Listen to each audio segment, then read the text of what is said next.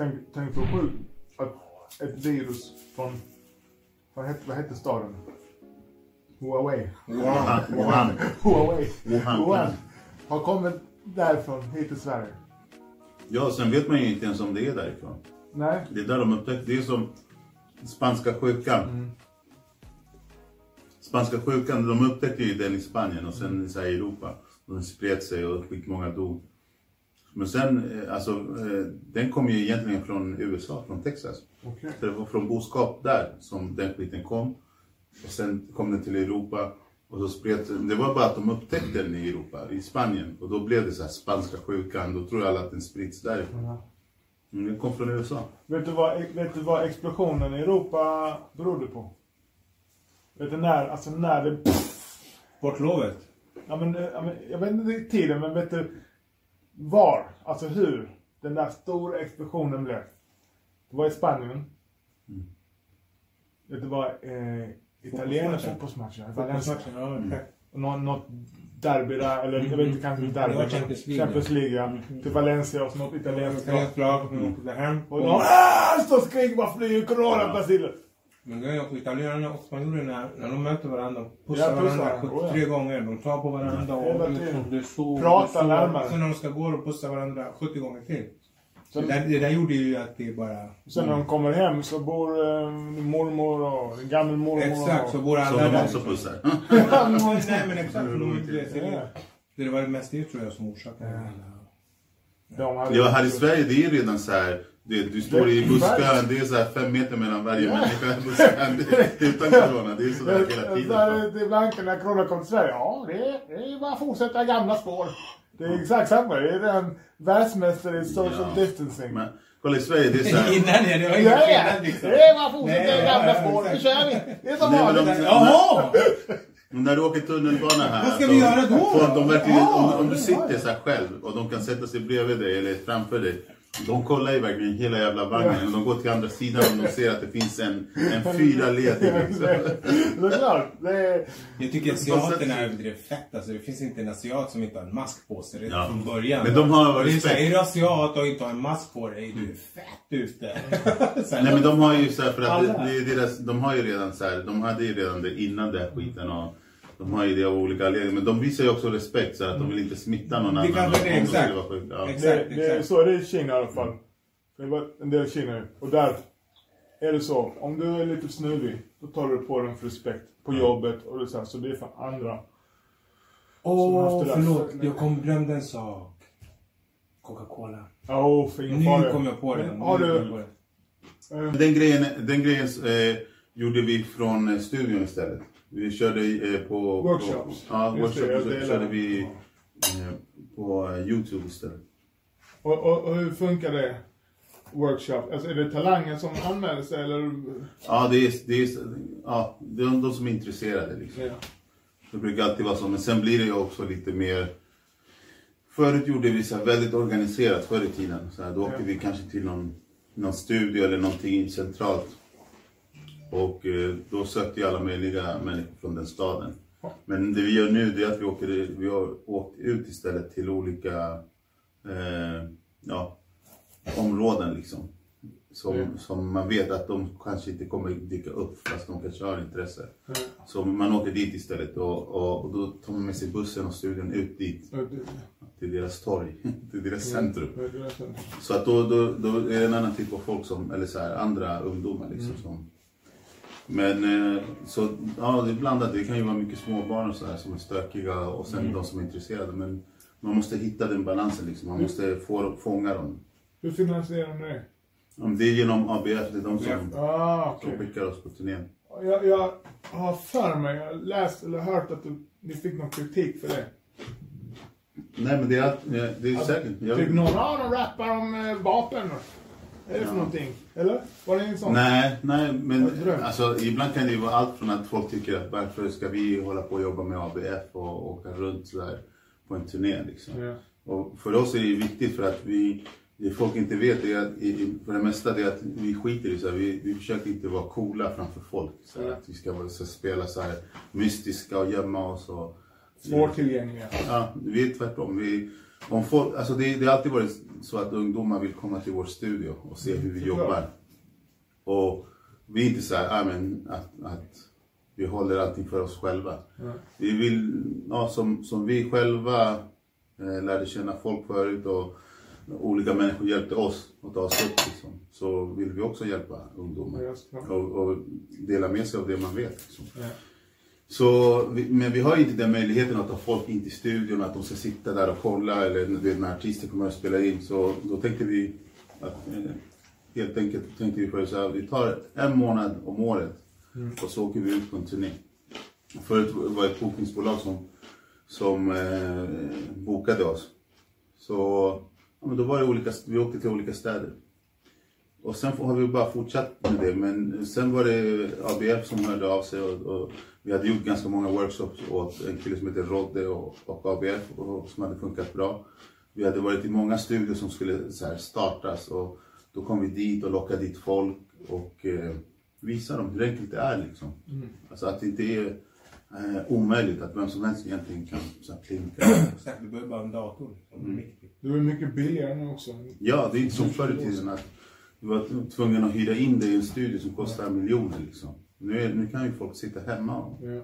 kö, antingen köper du tv-spel eller så köper du en dator och gör musik, musikprogram. Speldator eller musikdator? Ja, fan vad coolt. Ja. Så, och det är så med allt, du vet att redigera film eller klippa videos, filma, allt det här har ju blivit lättare idag än vad det var förr i tiden. Och redan när vi, när vi gjorde första skivan, då jobbade vi med Buenos Aires, han var den första i Norden som hade en, en studio där han spelade in digitalt. Vad heter de nu? Breaking Bread? Nej, Ja. Breaking Bread. Ja, han hade Breaking Bread på den tiden och sen... Ja men sen, det var han som gav oss det rådet att om man skulle jobba med musik då skulle man försöka hålla kostnaderna nere. Ja.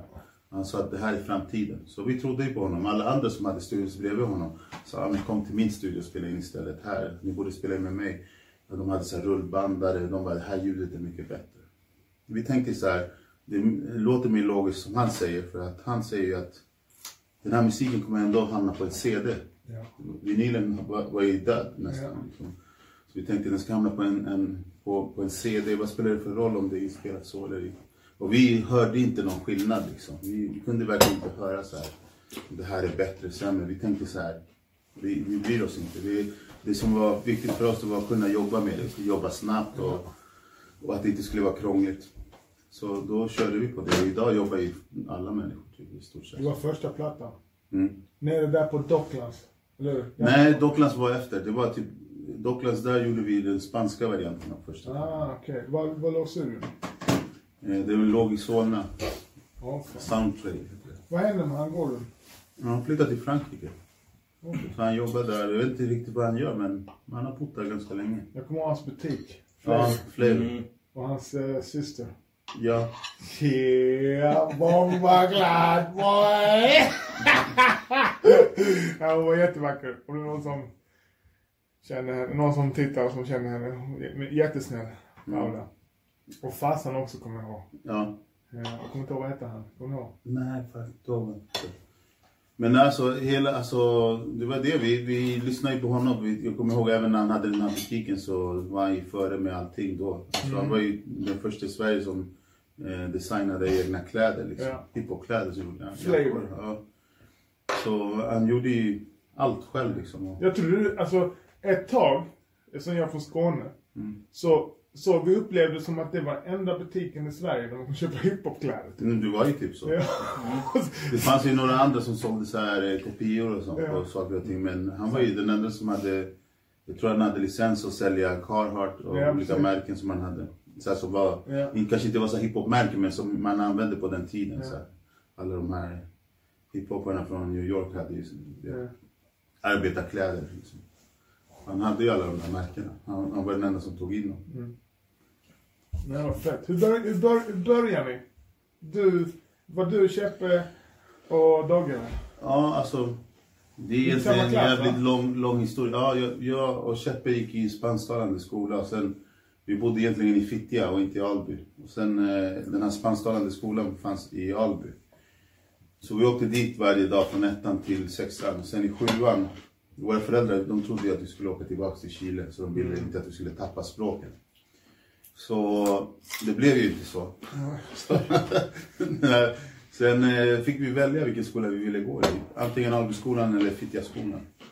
Och vi kände ju ingen i Fittja, alltså, som gick i skolan då eftersom vi hade gått hela tiden i skolan där i Alby. Och. Ganska många av våra kompisar började i, i, i de klasserna där istället. Man delades upp i svenska klasser liksom. Så vi, vi valde den skolan istället. Då i sjuan hamnade jag i, i Dogges klass. Mm. Och sen därifrån var det liksom att vi var lite jobbiga i klassrum eller så här. Vi var dåliga på matte egentligen båda två. Och eh, vi hade en mattelärare som inte egentligen var en mattelärare, han var DJ typ och vikarie som hade fastnat där. Och, och han tyckte väl så här att vi störde de andra och eh, eh, han tyckte att vi skulle hitta på något annat istället. Och där någonstans snackade vi med honom och sen kom vi på att ah, men vi kan ju, man skulle kunna göra musik eller något sånt. Så de ställde lite krav på oss. Okej, ni får låna en replokal så i källaren. Eh, och så får ni, då, men ni måste göra någonting. Alltså, ni måste visa att ni har jobbat eh, på de här timmarna. Liksom. Så vi fick i uppdrag då att uppträda på Lucia. Vad var det i replokalen? Det, var det, Det källaren i skolan. men vad var det där i? Alltså, var Det fanns, inget, det fanns ett, eh, nej ingenting, det fanns ett trumset. Och sen fick vi låna lite instrument från eh, musiklärare. Så ni började spela musik alltså? Ja, men vi hade ett band så vi, då var vi tvungna liksom att sätta, sätta ihop ett band. Så vi hade en kille i klassen som sa att han, han, han kunde spela gitarr, men han kunde inte det. Och han hade ingen gitarr, men han kunde spela. Men han fick bli eh, den som spelade bas. och han kunde inte, spela, men han försökte. Sen hade vi en kille som gick i sån här specialklass som eh, var trummis. En mongo på trummorna? Animal. Ja. Nej men så han, han spelade trumma, han, han var inte heller så här riktigt trummis men han, han försökte liksom. ADHD-kille. Ja. Och sen, eh, vad fan hade vi mer? Vi hade en, en kille som beatboxade som var med. Och, ja men så vi var några stycken. Men sen, eh, ja, vi uppträdde ju någon gång där. De andra tyckte ju så här, vet, i första uppträdandet, jag tror så här. Folk tyckte kanske vi var gulliga för vi gick i sjuan, att vi var Var små. det rap alltså? Ni rap? Men vad gjorde du i Ja, bandet då? Vad gjorde du? Jag hade så här en, eh, jag skrev texter och sen hade jag en trum, så här maskin också som jag lånade från, från eh, musiklärare som vi hade i. Så vi skulle blanda alltihopa men det gick, det gick inte. Vi skulle låna skivspelare också från ungdomsgården men de, de ville inte låna oss skivspelare som, som man kunde scratcha och så. För de trodde vi skulle ta sönder nålarna. Ja. De var skitsnåla där. Men eh, sen, eh, ja men det var det. Var det. det. Det gick väl sådär, så, men det funkade väl. Sen eh, fortsatte vi med det. Och sen blev det ju liksom bara till slut jag och Dogge. De andra hoppade av, de tyckte det här Okej. funkar inte. Liksom. Så eh, året sen, gången därpå när vi uppträdde typ i åttan, innan skolavslutningen tror jag det måste ha varit. Då körde vi ihop med musikläraren. Och då, Han, han som var, nej, inte matteläraren. Utan, nej, en musiklärare. Ja. Han ville han ville ju jättegärna vara med själv liksom, och spela. Oh, så, okej. så då gjorde vi en reggae-låt, så här, skitdålig. Alltså. Vad hette den? Kommer du ihåg? Nej, knappt. Kommer du ihåg hooken? jag har verkligen förträngt det. Jag såg den på någon dokumentär, så här, man hörde den. Jag, bara, shit, jag fick så här, panik när jag hörde det. Han matteläraren, har du kontakt med han? Vet Nej? Leffe hette han, nej, inte. Jag har sett bara att han fortfarande är DJ, han är så här house DJ tror jag. Mm. Nej men så, nej men det, var- det var det, så vi uppträdde med den grejen också, då tyckte folk också så här, äh, de flesta tyckte vi var skit liksom, vi skulle lägga ner. Men vi fortsatte ändå, vi tyckte ju ändå att det var kul. Mm.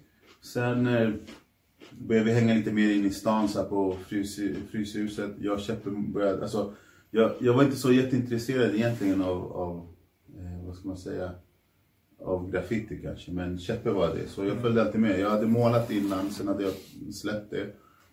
Och, eh, men jag hängde alltid med. Så här, vi gick till någon graffitiskola som fanns inne i stan alltid så här, och målade där. Vi träffade Brain där bland annat. Så här, Brain? Träffade, En, en, en klottrare. Vad heter En det? känd klottrare. Klottrare. Eh, Brain. CCA? Nej, han var med i RSL. Han var med i den andra. Okej. Men han är från Norsborg. Så här. Han är också en... Eh, känd karaktär därifrån, från den tiden. Väldigt, väldigt känd. Sådär. Folk springer fortfarande omkring och letar efter han. För att de har fått sina jackor nedmålade och så skokräm eller Här precis dragit tag och så kommer den här lutar sig liksom, står det brain på hans jacka. ja, exakt, sådär med skokräm. Så. Känner du den där brain alltså? Vet du vem det är? Alltså, får jag ta på honom? Alltså? Vet du vad jag ska göra med honom? Alltså? Han är skyldig mig en ny jacka. ja, så, nej, jag har ingen Vadå? aning om. Så han, han, han var med? Han var en av så här lärarna där. Ja, han var en av lärarna. Mm. Från den eh, gra- graffitiskolan. Ja, han blev ju det sen. Han, var- han blev jätte, han blev helt insnöad i det där. Det var han verkligen. Han skrev, tills idag håller han på och målar. Vi träffade han i somras, förra sommaren, eller hur? Träffade vi han i Snösätra där och så gick vi, så målade vi allihopa faktiskt. Så jag har inte träffat han säkert 30 år eller 20-30 år eller mer. Eller så, det var superkul att träffa han igen. Så pratade jättelänge och berättade historier om han som inte han mindes. Men han tyckte det var kul. Han berättade story till mig som inte han mindes.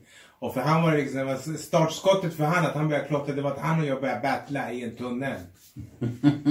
Den som drog mest tax där inne liksom. Så det var liksom kicken för han.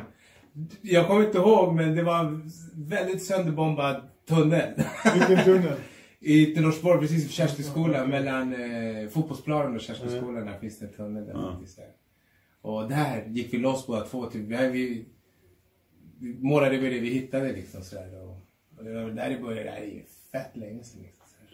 Nej, men han var ju väldigt så, social och så här, driftig, kommer jag ihåg på den tiden. Så här. Sen, han, han, han sålde jättemycket målningar och målade Ja, överallt. han var började med hela sälja sig själv som graffitimålare. sådär. Exakt, han, han var med i tidningen hela tiden sen han gjorde olika, han tog eh, olika uppdrag. Så här. Och vad var det han gjorde för er?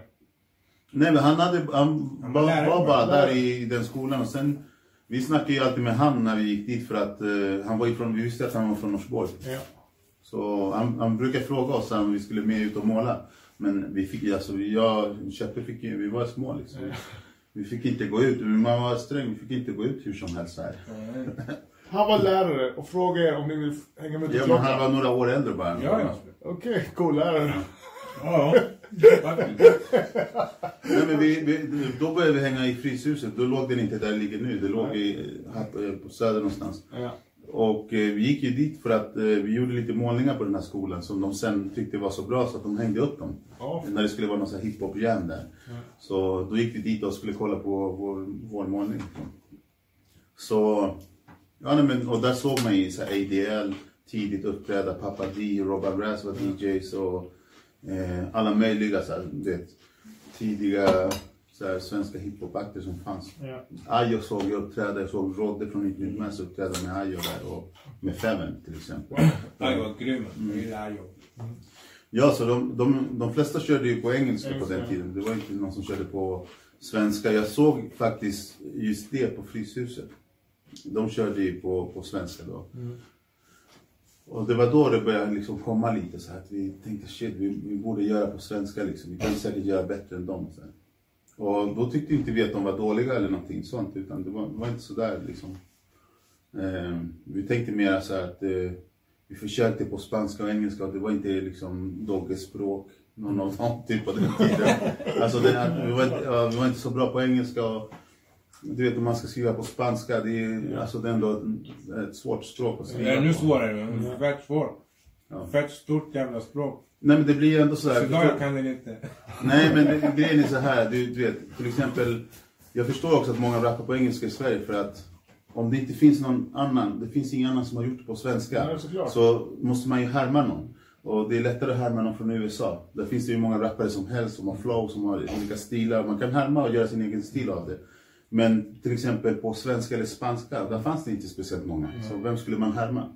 Det, då måste man hitta på det men ändå, vi gjorde ändå på eh, första skivan på svenska, sen gjorde vi första skivan första på låten? spanska. Första låten på Det svenska var, det var snubben som, Snubben. som vi släppte. Ja. som släpptes som första singeln. Mm. Som slog hela Sverige. Ja, men, Ända ner till Skåne. ja, men det, var ju, det, det var ju med den vi märkte också. Vi hade ju alltså, flera låtar som vi hade gjort innan och sen märkte vi, det där var ju första svenska låten vi hade. Var Danny Boston med på den? Eh, ja, vi la, la, la till honom sen. Ja. Okay, Eh, I slutet, precis i slutet. slutet. Men han, eh, vi körde ju en variant utan honom i början. Ja. Sen var vi med i Rap SM och kom trea med den låten. Och sen efter det frågade Gordon oss om vi ville komma till en studio och spela in den. Så då spelade vi in den och släppte den på ett litet skivbolag, som bara en singel. Så den började spelas lite i radio så här. Och sen efter det så ville Warner eh, signa oss. Så på den vägen liksom. Nu tackar jag. Nej, det var då Warner blåste oss. Ja, Ja, men berätta om det, för jag skulle säga att ni tackar ja till den signingen, ja men vi visste, unga. Hur gamla är ni? Jag tror vi var- 15, 16. vi gick i, ja, kan, kanske andra De- ringen gymnasiet eller någonting. Då måste ha föräldrarnas tillstånd. Ja. Ni kan inte under avtal under, under 18 år. Nej, men grejen med, med, med det avtalet, alltså någonstans fattar vi, alltså jag tror att vi ändå var, eh, på den tiden hade vi ändå ganska många, mycket så här mål. Vi visste ju vad vi ville göra. Vi hade ju så här en dröm om att vi ville ha en egen studio och egen label. För att kunna göra vår musik och kunna spela, eh, spela in med, med, med olika artister och sådär. Och ha frihet att göra den musiken man ville. Pivo, vill du ha pivo? Förlåt. Una cerveza på favor. Yes, sir. Nej men så då, så då, sa, vi- då tänkte vi så här att eh, eh, man fattar ju så här att man, man kommer inte få det bästa, det bästa skivkontraktet så här från början. Utan att det är någonting man måste jobba sig till.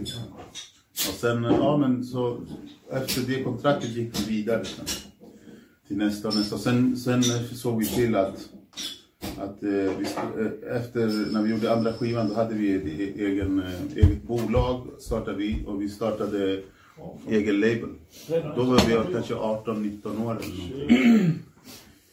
någonting. Så jag träffade Mr X redan då när vi hade vår, eh, eh, vi hade eh, vår eh, studio inne i stan där i Kungstensgatan där. Så vi träffades någon gång på Sveavägen. Gamla sen. Ja. Vad känner ni varandra då eller? ja men alltså Klippe Öhlman har alltid känt till, han är ändå från området så han, han är CCA. CCA, han är, en- han är, vad heter det, han fanns där överallt. En, en, ja. En tuggare. En känd, en känd karaktär. Nej, men man hade ju tidig ADHD. Mm. Sprang omkring där överallt. För mig, Sprang och för att jag, jag var ändå från Norsborg. Norsborg, Hallunda, Alby, Fitter, det är ändå ett stort område. som men för mig så var det typ som ett och samma. Ja. Ja. Så här, Alby, Hallunda, det var samma liksom. Och du, du som bodde då i Fitta, när han skrev ett brev så var han tvungen att skriva längst ner Norsborg. Norsborg. Sådär. Jag var så här bodde i Fitta. Så för mig var det alltid, liksom allt det där. Så även Slagsta Ja. var Norsborg liksom, fast det är ju Norsborg va. Men... Eh, ja. eh, Nej, men jag, jag, tänkte, jag tänkte likadant som han. Jag hade ju vissa kompisar som inte rörde sig någonstans. De var bara så här, i centrum. Ja. Och sen inget mer. Jag hängde ju med min brorsa rätt tidigt i Fryshuset inne i stan bara. Det var inte många av mina kompisar som ville följa med. Nej. Och sen eh, också att eftersom man var chilenare så kände vi så här, folk i familjer i, i, i hela Botkyrka liksom. Så att det, man rörde sig med sina föräldrar. Jag hade varit i den gården du, där du bodde flera gånger och träffat så här, eh, Ariels familj till exempel och så, vidare. Så, vidare. Så, jag visste ju så här, vissa av mina kompisar var nojiga att åka in i andra områden och ja, men kanske få spö av de som är värst där och såna här grejer. Men jag tänkte, fan vi känner ju dem. det är de vi ska hälsa på. De, alltså en, en jobbig person i området ska man, skulle man hälsa på. Så, då hade man olika människor som man kände och sen lärde man känna fler människor där, sen lärde man känna några människor där. Sen, så fort de människorna också började röra sig in mot stan, då umgicks ju man de som var från samma område. Och då var det inte så här, ja, vi är från Fittja eller vi är från Alby, vi är från Norsborg, Hallen eller så. Utan då var vi från Botkyrka. Så, och, och då rörde man sig tillsammans, även med folk från Vårby gård, Vårby, Skärgård. nej, så, exakt, då var man från samma ställe. ja, då, det, det började bli så Röda linjen. Ja. Röda Men så var det ju hiphopen också som gjorde så, eller hur? Att man, man lärde känna alla som hade samma intressen, som målade graffiti, som, som, eh, fan vet jag, som hade varit breakdansare eller vad som helst, som höll på med någonting inom hiphopen. Så man gick ju till samma ställen och till slut kände man ju alla. Man? Jag upplever det som det. Det är så jag upplever det. Nästan som en liten klass. Ja. Jag var alltså så, för jag kom ju upp, jag kom från Skåne. Jag var 19. Mm. Och, och älskar hiphop. Och började hänga på hiphopscenen. Så lärde jag känna alla. Jag Ja. var ju hemma hos mig när Kommunal Infinite Mass släppte den här skivan. Ja. Eller videon. Ja. Fan den hette, som var helt, den var ju helt, helt ny till Sverige och så, åh det såg ut som en riktig West, West Coast gangster shit. Den var överfett ju. Den stängde ju folks hjärnor. Men jag kommer ihåg Kosse, kommer du ihåg Kosse? Ja. Bablish. Han bodde i... Han bodde, i Fittja där ett tag. Ja. Han- ljög den han killen. Det så många som han. Han Nej men jag kommer ihåg eh, han och sen, eh, heter han, Juan också. Juan, Rodde. Eh, Rodde också. Rökish! Nej men det, det, tänk dig bara en sån grej att eh, på den tiden också, det, det var ju så att de människorna man kände var ju sådana som hade samma intresse. Men vi gick på, det fanns ju inte så här jättemånga klubbar att gå till, det fanns bara en. Mikael Kjellner. Ja, så där, där träffade man alla och, och sen eh, råkade vad heter han, eh, José, var, José var från Chile så Ja. man pratade samma språk och bla bla, bla så blir, det är klart man blir polare så här, och, Man har gemensamma intressen i saker och ting, då blir det ju så. Vet Så du, det är inte svårare än så. när, när ni var, ni startade bolag, ni är 18 år. Mm. Det, ni släppte en andra skiva på det bolaget. Mm. Vad hette den skivan? Eh, I skuggan av betongen släppte jag. Det är min favorit. Ja, Nu min också. har jag fett mycket mat i munnen. Ja. Jag älskar den skivan. Jag gillar den otroligt mycket. Mm. Det var lite, förlåt. Mm. Det var lite före sin tid tycker jag den där. Ja. Ja, ja, självklart. På riktigt sådär. Det var, folk har inte hajat liksom sådär hur. Och sen, jag tror den släpptes såhär något, typ fem år efter eller något sånt Gjorde den inte det? Ja, vi släppte den sen igen. Ja. För att då fattade de att wow, det här är ju riktigt bra. Liksom, så här. Och för mig är det det Sveriges bästa. Vilka Ja, låtar? genom alla Är tider. det, är det, är det, Eh, bort, eh, från verkligheten. ja, okej, Ja. men det är klart. Eh, styling. styling. och så mycket. Bländ, nej, Blendon kom sen. Kom sen. Mm, Okej. det tredje, ja exakt. Men det fanns, det fanns många spår där. Grejen- bra. Den blev bra. lite mer av en så här blueprint. Så här, Lite rå, sen, lite eh, rå liksom. Så här. Ja, men den blev ju så här hur sen eh, förorts... Orten, ja. eh, Ja, gjordes i Sverige. Det var lite ganska mycket den mallen liksom. De, alla teman som fanns där. Men också en grej som vi etablerade redan då. Alltså, det var ju så själva hur omslagen skulle se ut. Vet, hur många omslag har man inte sett inom svensk hiphop där man har en tunnelbana eller så här höghus? Och vi hade ju, det var den första, för, första omslag som vi hade. Och sen andra omslag, samma sak. Tredje, fjärde, alla omslag var likadana. Så det blev ju så här för kidsen som sen... Jag tror att den, den, den skivan gjorde också att folk ville börja eh, rappa på svenska. De fattade, okej, på första skivan lät det töntigt och det var lite tramsigt för att då var det inte så seriöst, förstår du? Men när vi gjorde andra skivan då tänkte vi, okej nu, nu är det här vårt jobb. Nu hade jag hade fått sluta i, i gymnasiet. Så det, vi skulle jobba med det här nu. Så vi startade bolag och då blev, blev det ett jobb liksom för oss. Mycket? seriöst. Ja, vi spelade fan hela Så tiden. det kom in... Eh, Man har ju 200 spelningar per år. Så det var ju... 200 så ställningar, bra vad fan det också. Ja, det, det var bra med, alltså man, Alltså, man, så ung, kunde, 19 ja, man kunde leva på det. Och självklart när man är ung då slösar man ju jävligt mycket Ja. cash också. man festar ju jävligt mycket. Man, Man är inte så clever. Nej. Men, eh, men, men vi var rätt smarta för vi investerade ju de pengarna som många andra inte skulle ha lagt ner på en studio eller startat gjorde ett bolag, det gjorde vi. Så vi, vi investerade i vår framtid kan man säga. Spelar i min bänkpress. Mm, ja, Har just det. Släng. Den finns där ute. Men Den, den köpte jag. Och köpte jag den för mig? Nej, jag köpte den av dig. Jag köpte den av dig och jag sålde den till Dogge. Dogge la den sen I. Red Line. Ja, jag blir så glad. Varje gång jag ser den blir jag glad. Ja, det är mitt bidrag till hiphopen! Samma dag jag köpte den, jag ångrade mig. Jag tänkte, vad fan har jag köpt den här för? Oh, det var att det var så kort. Ja, kort. Kom ihåg att det var liksom, man kunde liksom inte greppa. Det var precis där vi skulle lägga händerna. Där låg stången. Eller de här, den som håller i stången. Man behövde liksom flytta ut, lägga upp, flytta in händerna och sen köra. Tänk vilken gettolägenhet där var där ett tag i, i Alby med, kommer ihåg, skinnsoffan. Vi hade laserdisk innan det fanns någon. Ja, ja. Projektor. Projektor mannen! Det gör du! Det lät som en traktor, men det gör det. Man bara... Jag kan nöja lite. Man kunde lyfta långt! Men, jag, var, jag trodde jag var kung alltså. Men det var fett ju. Ja, Det var, det var ja, tidigt. Det var tidigt. Alltså en sån här projektor kostade typ 20 lax.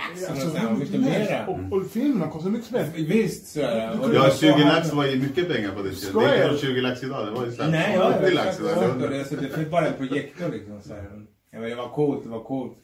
Det är troligt att vi kunde se hela Ja. filmer med det där traktorljudet. Vad vad- vad var tredje skivan? Vad heter den? Vad fan heter den? Mitt kvarter, tror Mitt jag. kvarter. Säg någon känd låt från den. Blend dem. Bland Ja, bland dem var med där. Blend dem. Kom, kom, du- kommer du ihåg när vi var i Uppsala? Dogges fru var med då. Hon körde. Ja, den resan kommer jag ihåg. Ja. Det var första gången jag såg det. Kommer du, kom du ihåg? Men han var inte med, han var inte med, han åkte inte med. För när vi åkte, vi åkte bilen tillbaks, det var typ, det var, det var någon brud. Det var Leonida, Precis. Dogge. Den här bruden, du och jag. Men vem var på scenen då? Dogge själv? Nej, det var de. De körde bara. De Okej, åkte med någon annan. Visst, de åkte med ja. två andra, två olika bilar liksom. Så, här. så Ja. åkte Leonida fel. Eller något sånt där. Hon åkte fel. Och så här. Vi bara dog och garv för att hon tog någon annan väg. Och jag vet inte vad. Vi hade fett kul i alla fall. På... Det, det var... Vad heter det? Måste jag också säga. Det var första gången jag såg det live. Mm.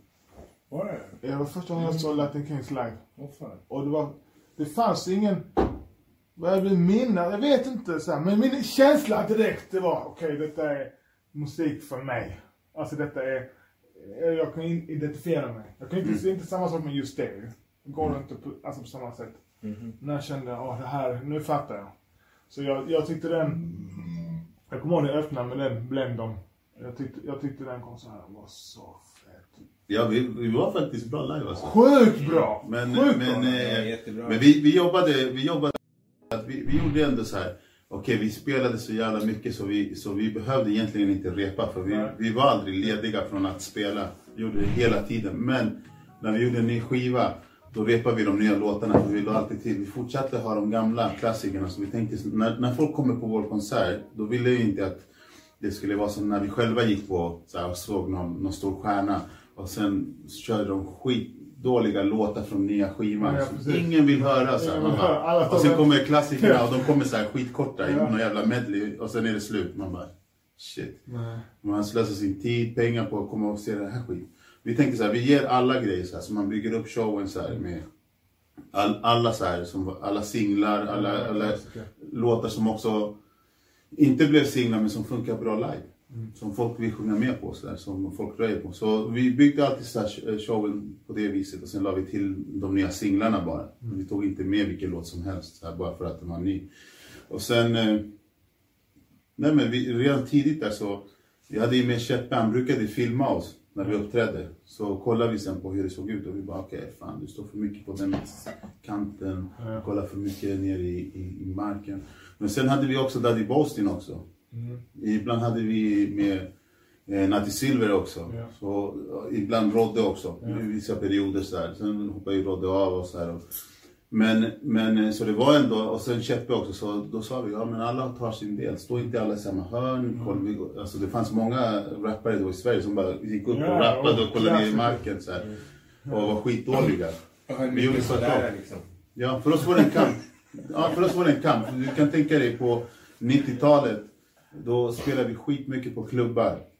Och hiphop var absolut inte störst Nej, i, absolut i inte. Sverige. Utan det var så här, det var så här Ace of Base, alla stod och dansade till eh, Ace of Base. Och sen eh, stängde de av musiken. Ja. Och sen kom vår, vår show. Och då ska alla de här människorna bara Liksom, man ska få dem att gilla vår shit liksom. Ja, så vissa kände ju till oss och de tyckte det var coolt. Och, och det tog halva showen och sen röjde de. Sen när sista låten kom, då hoppade de och de var helt svettiga och glada och då var det slut. Och då taggade vi därifrån. Och då satte de på E-Type, bla bla bla, och så var det liksom, fortsatte festen. Förstår du? Så var det hela tiden. Det var ju inte så här hiphoppare som stod där. Det kanske var tio stycken eller fem stycken beroende på vilken stad det var. Men Ibland när vi spelade i Rosengård någon gång, då var det så här, ganska många som lyssnade på hiphop i, i publiken och så vidare. Men annars var det ju inte så. Det var en publik som inte gillade vår musik, så här, som typ, kanske till och med hatade vår musik. Ja. Som man skulle omvända. Så vi tog det som ett jobb att få dem att tycka om vår, vår musik. Och så jag tror att, att många av de som köpte våra skivor och som, eh, eh, som lyssnade på vår musik, eh, det var ju sådana människor som såg oss spela live och tyckte shit, de här är bra liksom. Så ja, varje gång vi var ute på turné så sålde vi skivor. Alltså vi sålde skivor så, vi spelades ju inte på radion och så. så För, för många artister de är bra på skivan men skit så, live. mm. Och jag, jag, jag lyssnade ju på Latin Kings men, ni, men ni var, ni var överfeta live. ja. Alltså det var... ja, vi tyckte vi själva att vi var bä- det Ja, lät det, var, bättre det, var, det kom ju till en helt annan nivå för mig. Jag fick en chock när jag såg det. Nej, men vi, vi, tyckte, kän- ja, nej, men vi tyckte ju så här. När, när vi spelade in låtarna då var de mer eller mindre inlästa. Liksom. Ja. De lästes in till beatet eller vad man ska säga. Förstår du? Ja. När, när, när vi var ute och körde dem live, då var de ju, då kunde man allting så här. Och Cheppe och Bo- Boastin och alla de här, de fyllde i, all, alla var ju liksom, alla fick ju skina liksom. Hur kom, hur kom Bosten in? Var det via Gordon eller? Ja, det var via Gordon. Jag, jag hade också sett honom, vi hade en idé om att vi ville ha med någon som körde så här, eh, den här grejen på, Reggae, Patois style. ja, att, att, att någon skulle toasta på svenska. Ja, ta så sen. Och jag hade hört också Swingaling, de, de hade gjort en Swingaling-skiva. Oh. Och där var han med, jag tror Leafnuts var med, det var flera som var med. Ja, Och sen hade jag, jag hade gått till den klubben också ganska mycket med, med Cheppe. ja, Eh, det fanns en, en klubb så här, inne i stan eh, som, som hette Swingaling. ja. Och eh, Många gånger. Sista utvägen. Om man inte fick tjejer på andra ställen var taktik. Hämta sig en tjock finska. nej, men, nej, men Swingal- Swingaling var bra klubb alltså. De spelade skitbra musik och där brukar ju oftast eh, Bo- eh, Bossen stå och köra i mikrofonen live. Eh, och sen, sen hade de två rum och i det ena rummet spelade de dancehall. Ja, då var det precis 90-talet när alla de här klassikerna Mm. Kom så det var en skitbra tid. Och sen i, i andra rummet stod en kille från Solna, eh, vad heter han? Hernan heter han, chilenare. Ja. Eh, stod han och DJ, han spelade hiphop. Och då stod han och spelade liksom, förstår du, alla klassiker från eh, östkusten. Ja. Så att det, det var en sjuk tid, alltså vilken musik man fick höra när man gick på de här klubbarna. Det var helt sjukt. Liksom. Eh, nej men så att någonstans där, vi ville ha med den grejen. Vi- När man såg live där så här, på, på scenen. För vi själva kom ju också från att spela live. Vi hade ju inte så här, vi hade ingen studio eller förrän långt senare liksom. Utan vår grej var alltid att vi skulle uppträda, uppträda, uppträda. Och klättra så här. Vi, om, om vi upp, uppträdde på någon så här hiphopfest. Så kanske det fanns ibland typ 8-10 band, förstår du? Och de las först i början. De tyckte att ja, de här är sämst. De får börja öppna. Så, så var det. Och sen, eh, vi blev ju bättre och bättre. Ja. Sen hade vi en låt på svenska. Det började, så här, det började förändras lite. Ja. Så i, i, till slutet blev det så här att de bara, "Ah, men kan, kan ni köra sist? Ja. Då blev det, shit, vi, vi är sist. Fattar du? Då visste vi så här, okej, nu, nu är det vi som Headline. Ja, vi headline. Vi lockade, nej, men vi lockade mest folk. Och, och folk, de stod ju bara så här, och glodde på vår show. Spanska låtarna, engelska låtarna, skit, skit, skit. Och sen kom den här snubben. Och det var den folk gillade. För att den handlade om Lasermannen, tog upp massor med saker som folk... Du vet, när, när, när den släpptes som singel, det var ju något år efter, så det var ganska långt efter. Men när vi spelade den live, då var den ju aktuell liksom. Allt som vi berättade, ras, här, om rasism och sånt. Det, det var inte speciellt många andra som rappade om det, förutom Infinite Man som gjorde Shoot the Racist. Shoot the Racist. Jag tänkte på det på den Det kom tiden. ut Detta, senare, mycket senare. visst. detta är 90-talet ju. Ja. Och då var det mycket nazismen och sånt i Sverige. Mm. Till exempel s- ungdomar, svenskar då, eller fattiga ungdomar från bland Väsby, Klippan. På den tiden var de, nu är de skatade typ. Så på den tiden de valde nazismen. Och jag har hört eller läst och hört, jag har aldrig frågat er, någon av er, men ni fick mycket hat från Mm.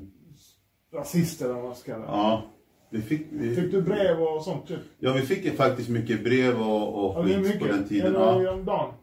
Ja, jag vet inte hur mycket det var exakt. Det var nog Dogge som fick mesta, mest, mesta av de här och de skickade till skivbolaget också. Så vi, vi tänkte så här, det är ingenting som vi ska bry oss om. Men- Men det blev ju så att när vi skulle uppträda ibland så var, hade någon gång hade det någon bomb hotat så här, Ja. stället, scenen och så vidare. Och, så vidare.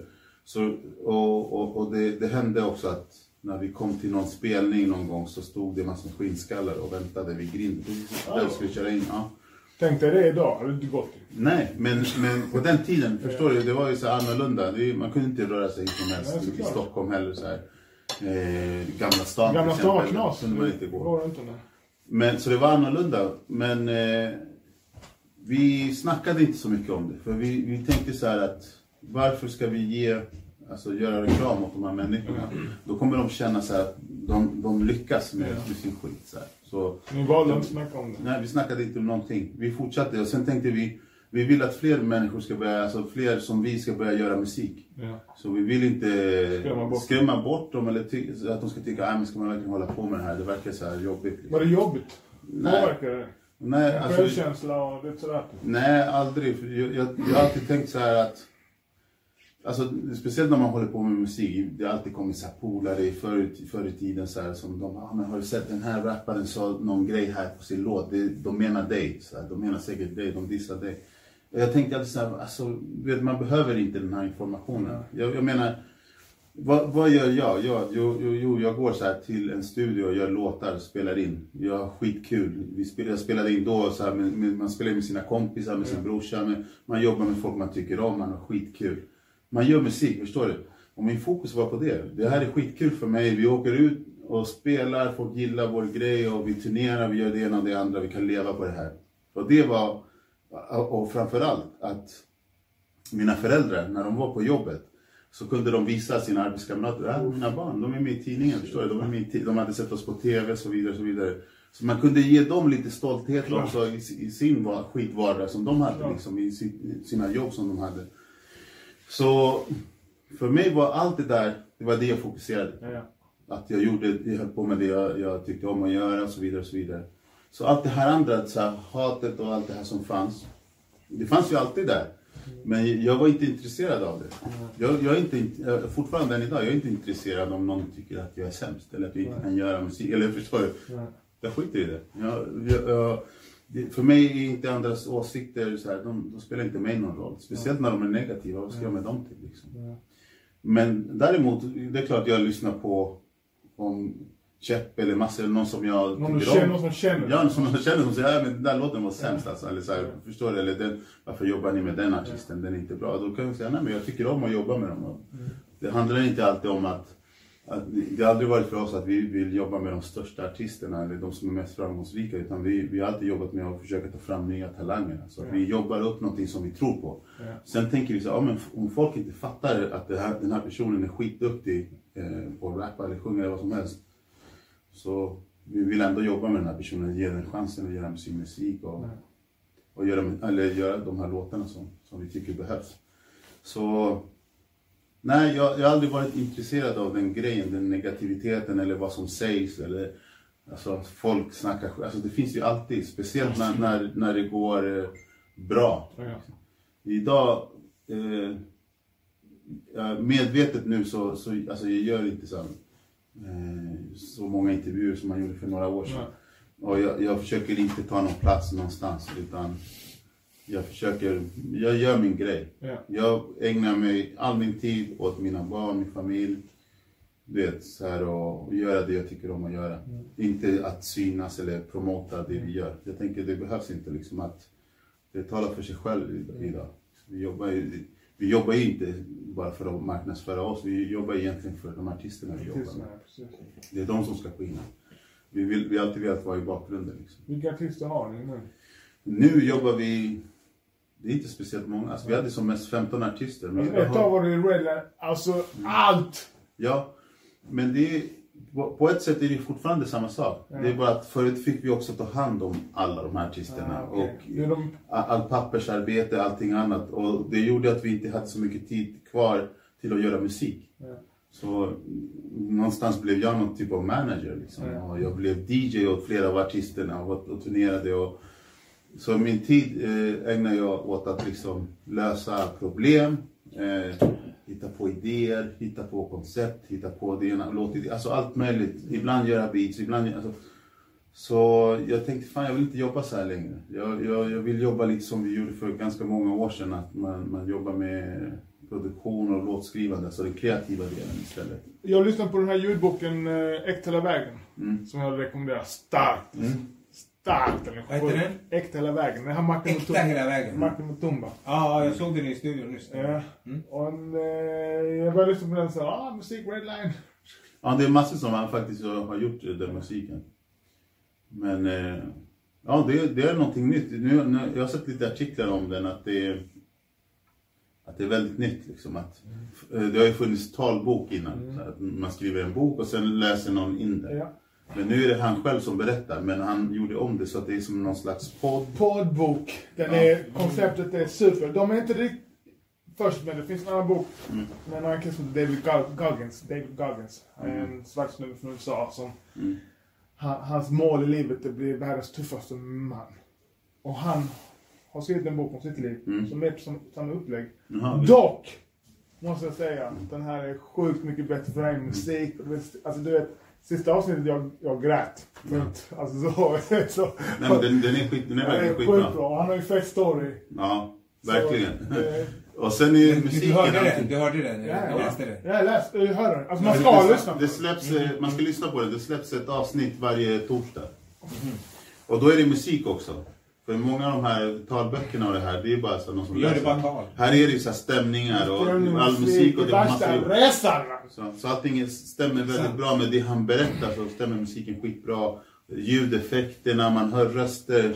Så här, chilenare som snackar på fotbollsmatcher, som man hör. Vem- är han? eh, Det är eh, Manuel Cobas heter han. Vad är han chilenare? han är argentinare. Argentina? Känner han? Ja, Oj, sorry. Så det var han som frågade, vi, vi, har, vi har känt varandra ett tag och han är från Rinkeby och sådär så han fick det här uppdraget och då, var, då, var, då kände han att han, tror att han tog det om han fick fria händer och göra det på sitt sätt. Och då hade han den idén och så då eh, bad de eh, Stuffe, Kristoffer Malmsten, Ja. eh, han var min fattare förr i tiden men nu skriver han så här manus till filmer och sånt. De bad honom skriva om eh, den här boken då som han, Erik Niva har skrivit som är så fotboll, Niva. fotbolls är journalist. journalist på Aftonbladet. Så det är han som har skrivit boken egentligen och sen gjorde eh, Kristoffer om den till att den skulle vara den här Så det är podden. Kristoffer som har liksom gjort projektet. Och så har styrt om det lite. Ja. För att eh, först skulle eh, Martin typ läsa det men det gick inte. Och det får man ju höra i, till och med i podden. Så äh, det funkar inte. Så här, Att han, säger, han, eh, Manuel säger till honom så här, äh, men gör, det, här- det här funkar inte. Du, du är sann, han säger så här, du är sann. Du är att läsa. Ja, och sen börjar han berätta så här och sen Nej men så, så, så då är det han, Manuel då, som har regisserat och gjort idén liksom. Satt ihop mus- alltså, med massor så här, eh, suttit i studion och vilka låtar, valt ut låtarna och, och sen stämningarna till det. Så att det var det. Men hur funkar det med det och ma- massor? Det, är- det är Redline Recordings. Heter det bolaget? Ja. Så om Masse gör någonting och det kommer in pengar, då är det bolagspengar? Ja. Ja, okej. Nej men så, alltså i vissa projekt då är det så här som i, i det här fallet, det är så här, visst massa, eh, gjorde musiken. Men eh, eh, då är det, i det här fallet var det jag som tog mötena med, med Manuel. Vi snackade så här i, innan och sen sa jag så här, jag gav ett förslag, så här skulle vi kunna göra. Vi får massor med beats och massor. Och sen eh, olika stämningar, skicka in vilka stämningar ni kommer behöva. Och sen har man en låt som är titelspåret också, bla bla bla. Vi snackade om det, det borde också vara en singel sen också, man gör. Så lite grundidén och sen ah, omarbetas allting och bla bla. Och sen blir det ju. Sen helt plötsligt sitter massa gör låten, äh, låtarna och sen klipper de in det och så gör de det. Och så är det, så är det gjort. Den är, det är något helt annat. Ja, Alltså, det är, den det är något annat. Jag tror att det kommer komma många sådana här nu. Alltså, 100%. Folk kommer vilja ha Ja, böcker i det, det. Jag blev så inspirerad och tänkte fan jag måste hitta. Jag tror det var han Erik Niva som gjorde det. Ja. Men då är det han Kristoffer eller vad han. Ja, som har skrivit. Så jag började tänka shit, jag ska investera pengar i något. Alltså jag, det här är Det är framtiden. roligare att lyssna då, eller? Alltså det är, Ja. det är en helt annan grej. Alltså det, är- det är som, tänk dig du har svartvit liten TV och nu sitter du på bio med surround och du vet, det är den där. Men det blir som en film. Ja. Totalt alltså. Det, den, Det blir som när du kollar på Maffiabröder och man hör den här snubben som berättar samtidigt. Du? Och du ser det i bilder. Men här behöver du inte bilderna för att man ser det i alla fall. Liksom. Man, blir hör, så man hör äkta. ljuden och allting. Så här. det blir så äkta och ja, den är, jag är tagen alltså. Nej, men jag sa det till dem, nu, nu förväntar man nu vill man ju se, man vill se själva serien. Liksom, Eller filmen. Eller? Exakt Eller samma grej fast med en serie. Nej men det är, jag tror att det är, Nej men lite så, vi jobbar ju, jag, jag börjar göra lite mer musik nu. Det- Folk frågar mig hela tiden så, ja, men proddar du någonting? nu för tiden?" Jag bara, ja. Så Till vad? ja men om jag, om jag gör med musik, ja, artister. Jag gör ju det, jag gör ju det Men hela tiden. till, till vad? Jag har gjort mycket till, senaste tiden till G. Dixon, jag har gjort lite till Aki till exempel. Så, men, eh, Nya med Aki, är det du? ja, eller jag har no- en låt där med på ny, hans nya grej. Och så, jag har alltid med låtar lite här och där, så. Ja. men eh, jag gillar mer att sälja in, jag, jag gillar så här att göra mina egna idéer och presentera dem för artister och säga så här, det här, det här är bra för dig, så här, det här skulle passa dig. Och så, så gör man en... Säger de annorlunda. ja? Om du kommer... Nej men ibland tar det, det tar tid liksom. Det tar De bara, tid. ah, jag ska tänka på det. Nej, de bara, de, de tror inte på det. Alltså det, alla är olika. Vissa, vissa gillar Jag det kollar på med en mina fans. jag frågar mina Jag följare. vet inte om de liksom godkänner det här. Jag. Nej men det är många artister, jag tror att många artister kör så här. Tre följare, vad är det med nej men jag tror att många kör, vill köra safe liksom. Och så här, köra någonting som funkar. Men ibland förstår de inte varför en, en, en låt kommer funka.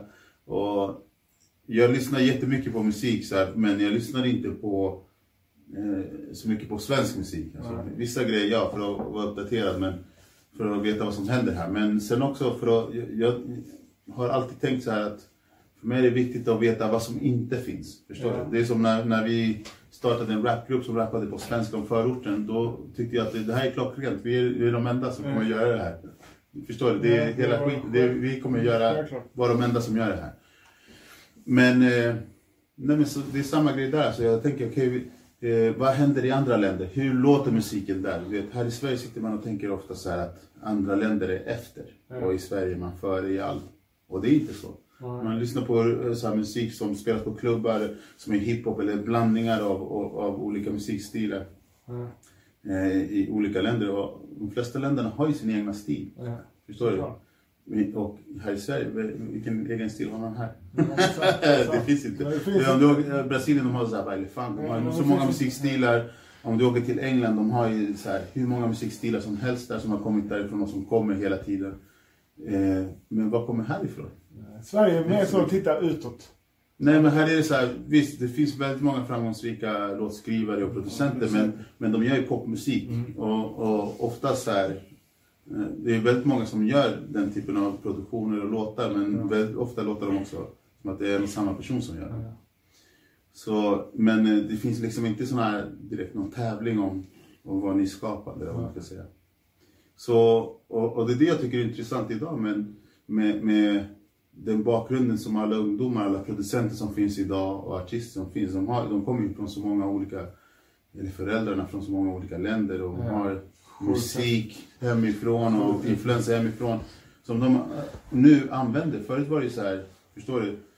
Eh, var man från Sydamerika då höll man på med hiphop. Ja. Men man använde inte sina, sin, sin latinamerikanska rötter i sin musik. Idag gör man det, man skiter i så här, eh, att, att eh, förstår du, ah, den, den här musiken lyssnar mina föräldrar på. Ja, det är skitbra. Det är skitbra. Många som gillar i Sydamerika, man gör den grejen i, man lägger till det i sin musik istället. Så, och det, så är det med folk som har sina rötter i Afrika. Så, så vidare. Den musik, alltså afrobeats har ju liksom blivit, blivit hur stort som helst. Och, och, så att det är en bra grej att, att utnyttja liksom. Jag tror samma sak i England till exempel. Många artister som har jamaicanska rötter och alla de här musikstilarna som har kommit därifrån är liksom Såklart. att de lägger dancehall, reggae, all, alla de här grejerna i, i någonting nytt som de gör. Jag tänker på som Drake och Rihanna. Alltså de, de Drake och Rihanna, Drake har ju typ dominerat jättelänge. Mm. Alltså varit tio topp eller fem, alltså de fem, fem främsta kanske. Oavsett om man tycker om musik eller inte. Men han gör mycket, är mycket dancehall alltså. Mm. Så, och likadant Rihanna. Alltså det var ett tag där de hade typ två, tre låtar som spelades hela tiden. Alla var dancehall. Så jag blev skitstolt. Liksom, hej dancehall är nummer ett nu! Och de fick kritik från Jamaica också. Popcorn och sådana. De bara hej, de har ingen props till Jamaica. Det är Danny spelar dancehall fan! Vad är detta? Måste, det, det, nu är det nummer ett på listan. Nej men det var många som var arga artister där för att jag tror att han samplade också. Ja, ja men exakt. det var det. Istället för att bjuda in dem till sin, alltså förstår du? Det var, taskigt. det, det var ändå lite snålt. Eller? var jag helt fattig där på Jamaica. Nej, men jag, tror, jag tror också... Men, jag tror inte folk tänker... jag tror inte folk tänker på det, men det kan ju vara så faktiskt att, att det var producenterna som faktiskt har, har... De kanske hade koll på den här dancehall-grejen och allting och att influenserna de hade, samplingarna de la in i låtarna och så vidare. Och jag tror inte han hade så jättestor... Han bara... Han gjorde ju sin grej på det, det blev bra men jag tror inte han tänkte så här, ska jag bjuda in den och Nej, den personen? Han tror, kanske inte ens har koll. Man vet ju inte, Nej, förstår du? Han kanske inte ens har koll Jag tror på inte han har koll. eh, vilka de här artisterna är. Hur många skivor gjorde Latin Kings? En, två, tre, Fem va? fyra, ja, jag tror fem. Greatest Hits också fem. Ja. Greatest Hits 5. Eh, Första eh, skivan, sen, eh, den, samma skiva på spanska. Ja. Sen gjorde vi Välkommen till förorten, Mitt kvarter Mitt kvarter. Och Märta. Ja, Märta ja! Och Greatest Hits. ja, det är så. Sex. Märta var fet alltså. Och sen, och sen uh, splittrades ni. Ja. Ja, Vilket men, år? fan, jag kommer inte ihåg alltså. Det är så här, 2005. Var det 2005? 2000. Ja, där någonstans. Ja. 2004, 2005. Efter den här uh, Unitiden-grejen. Mm. Efter den. Va, vill, Efter den så var det två stycken spelningar som Latin Kings hade kvar. Mm. Och jag hade jobbet att köra båda. blev de av? Ja, ja, de blev av. av. Sista spelningen var i, det minns jag väl, den var i Uppsala. Visste ni att ni skulle lämna varandra då? Ja, vi Ja, det var osams och det, Det var väldigt... luften. låg i fett, luften. alltså. Ja men det låg, det låg ju, alltså det var ju lite så här när vi gjorde sista skivan om en plats så var, så var det liksom, det var inte som innan. Jag tror att alla började dra åt olika håll också. Och sen, det har alltid varit så, alltså, i alla fall för oss när, man, när vi gör musik så, det är inte bara att man jobbar med en person eh, för, för, att man, för att den är duktig eller vad som helst utan det finns alltid någon slags vänskap eller vad man ska Ja. säga. Det är grunden så här, måste det bygga på det. Ja, vi tänker så här. Om man har någon slags vänskap och lojalitet, massor med saker så här som, som, som finns i vänskap. Då betyder det att man jobbar hårt, att alla jobbar hårt för projektet. Men sen när, om det inte finns och, och alla drar åt olika håll, då blir projektet också så här. Ja. Det, det hamnar inte i första hand. Har, har du lust att berätta vad som, vad som hände? Alltså för, för ingen vet. Eller det står inte någonstans någon tidning, ingenting. Jag vet. Ja, klart. Jag har mina funderingar. Jag, jag, har, jag har ett utarbetat teori i min hjärna. Nej, men det, det jag tror inte, jag, alltså, jag tror inte det var, det är inte svårare än så. Alltså, vi, jag brukar säga det så här att det är inte eh, krångligare än så att vi hade liksom ingen vänskap. Nej, Och då funkar det inte liksom. Så Den tog slut. den, vänskapen tog slut och då fanns det ju ingen grupp. Nej. Och då blev det ju sådär liksom att eh, vi gick skilda vägar. Var det dramatiskt? Nej, inte Eller- speciellt. Det var bara... isär eller var det så okej på torsdag slut? Nej, det var, det var ju en svår tid också. Det hände ju väldigt mycket. Det hände massor med grejer. Eh, jag tror att... Eh, Ekonomiskt? nej, men jag tror att vi fick barn. Så, Ja, okej. Massor med sådana. så- Alltså, våra liv förändrades. Det var inte som förut att man bara li- liksom gjorde vad som helst och var väldigt fri i allt möjligt. Nu, var, nu hade man massor med saker. Man hade ansvar och så vidare. Och så, vidare. så att det blev... Det blev eh, jag tror att då blev det tydligare att vi var helt olika människor. Inte bara eh, mot Dog, jag Dogge och sådär, men alla. Och Bosin hade ju redan liksom hoppat av till exempel. Så det blev ju, eh, det hade redan börjat falla sönder liksom. Och för oss var ju ändå Bosin en del av hela grejen. Han var ju med från början, han var alltid med live och så vidare. Samma sak med Natti Silver, så de var ju viktiga och de var en del av, av av gruppen, konceptet, allting det man såg live och, och det man hörde på skiva, de var ju med där. Så, här. så bidrog och, och, och gjorde så att det lät som det lät. Liksom. Och de, de inspirerade oss när vi gjorde beats. Vi, vi gjorde ju låtar som vi ville att de skulle låta bra på. Liksom. Så, ja, så att det var det. det, var det eh, vänskapen tog slut, kan man säga. Vi hade ingen vänskap längre. Den, det hade varit så länge, tror jag. Så så nu, Alla hade den känslan. Liksom. Vuxit liksom, lite ifrån varandra också. Liksom. Ja. Man blir lite äldre, man har andra intressen och liksom vissa prioriterar andra grejer före det andra. Och kanske från början var det kanske bandet det var som var viktigaste.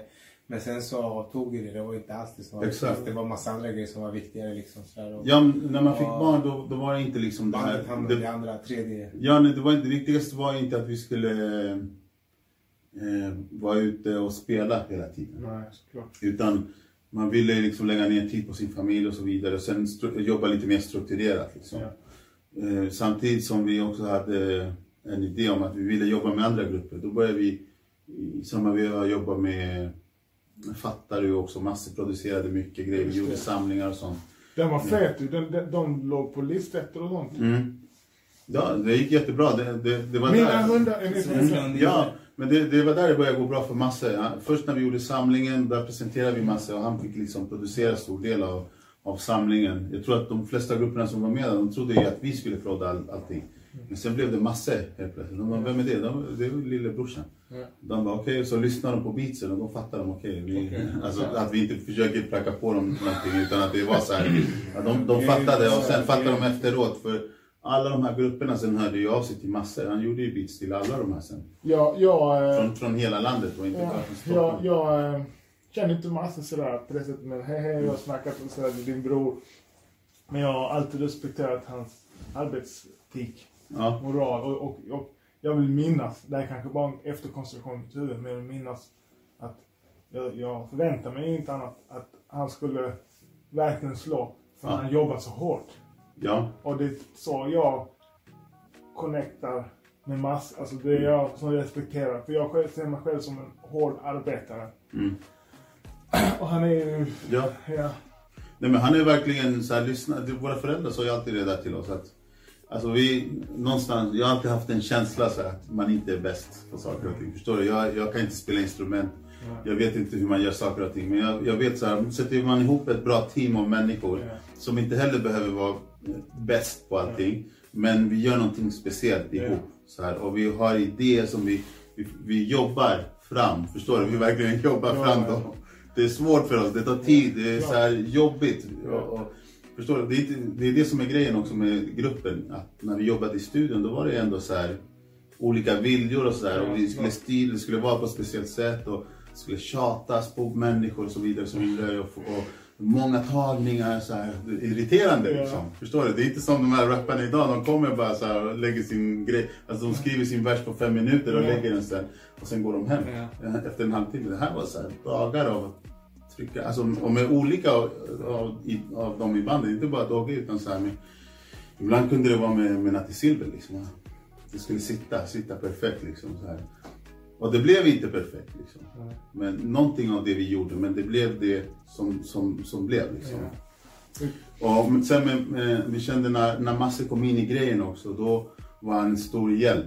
För innan hittade vi ingen så här, som riktigt kunde mixa vår musik, som fattade. Och nu hade vi en person som hade liksom växt upp där i studion med oss, han fattade exakt vad vi ville. Och han gjorde det bättre, förstår du? Ja. De grejerna vi hade, de, de frågade jag Masse, "Ey, hur gör man med den här? Hur gör man den här grejen? Förstår du? Olika inställningar och så här. Så han kunde grejerna, han gillade att läsa manualer, han hade den där grejen liksom. Så då var det den pusselbiten som vi saknade fast fanns där helt plötsligt. Och, och, och då jobbar man som team så liksom att man, man kan ha idéer, man kan ha visioner, eh, arbetsmoral la, och sen har man en person som verkligen kan göra de här låtarna som, som man vill göra och, så här, och som man har kämpigt så här, och, och få till. Och sen, sen så småningom kom ju också så här, i den här tiden med Fattar du, Ison Phil, alla de nya rapparna som kom i den vågen. Då kom ju också den här extrema talangen också. De här talangfulla rapparna som var väldigt bra, duktiga rappare. Eh, olika stilar och alla hade så här, Ja, för det är en explosion där. ja.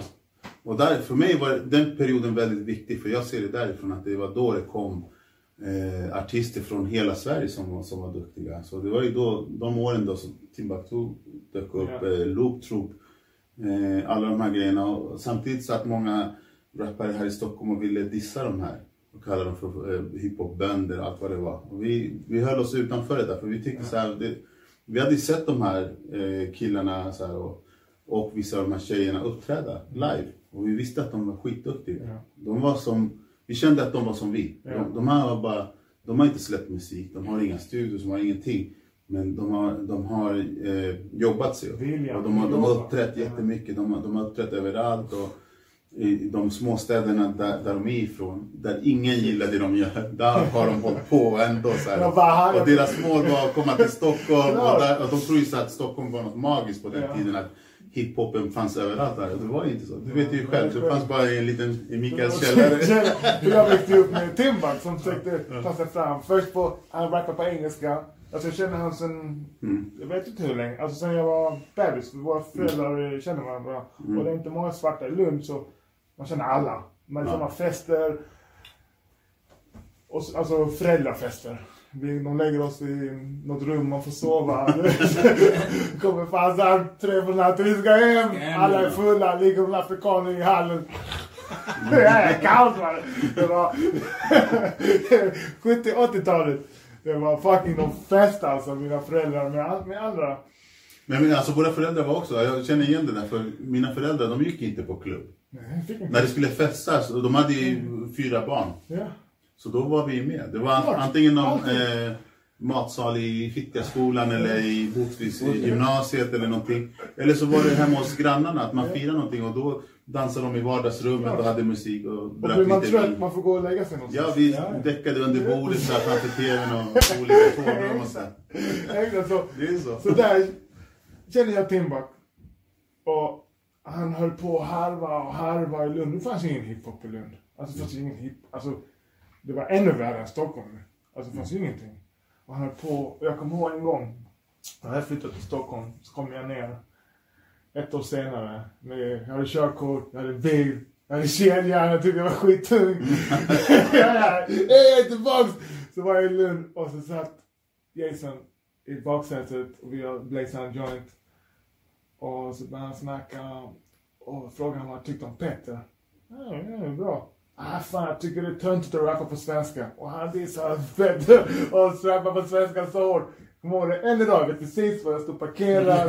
och han sa The rest is history. Alltså jag, jag tror det var ganska vanligt på den tiden. Ja, alla sa. Jag, alla, det.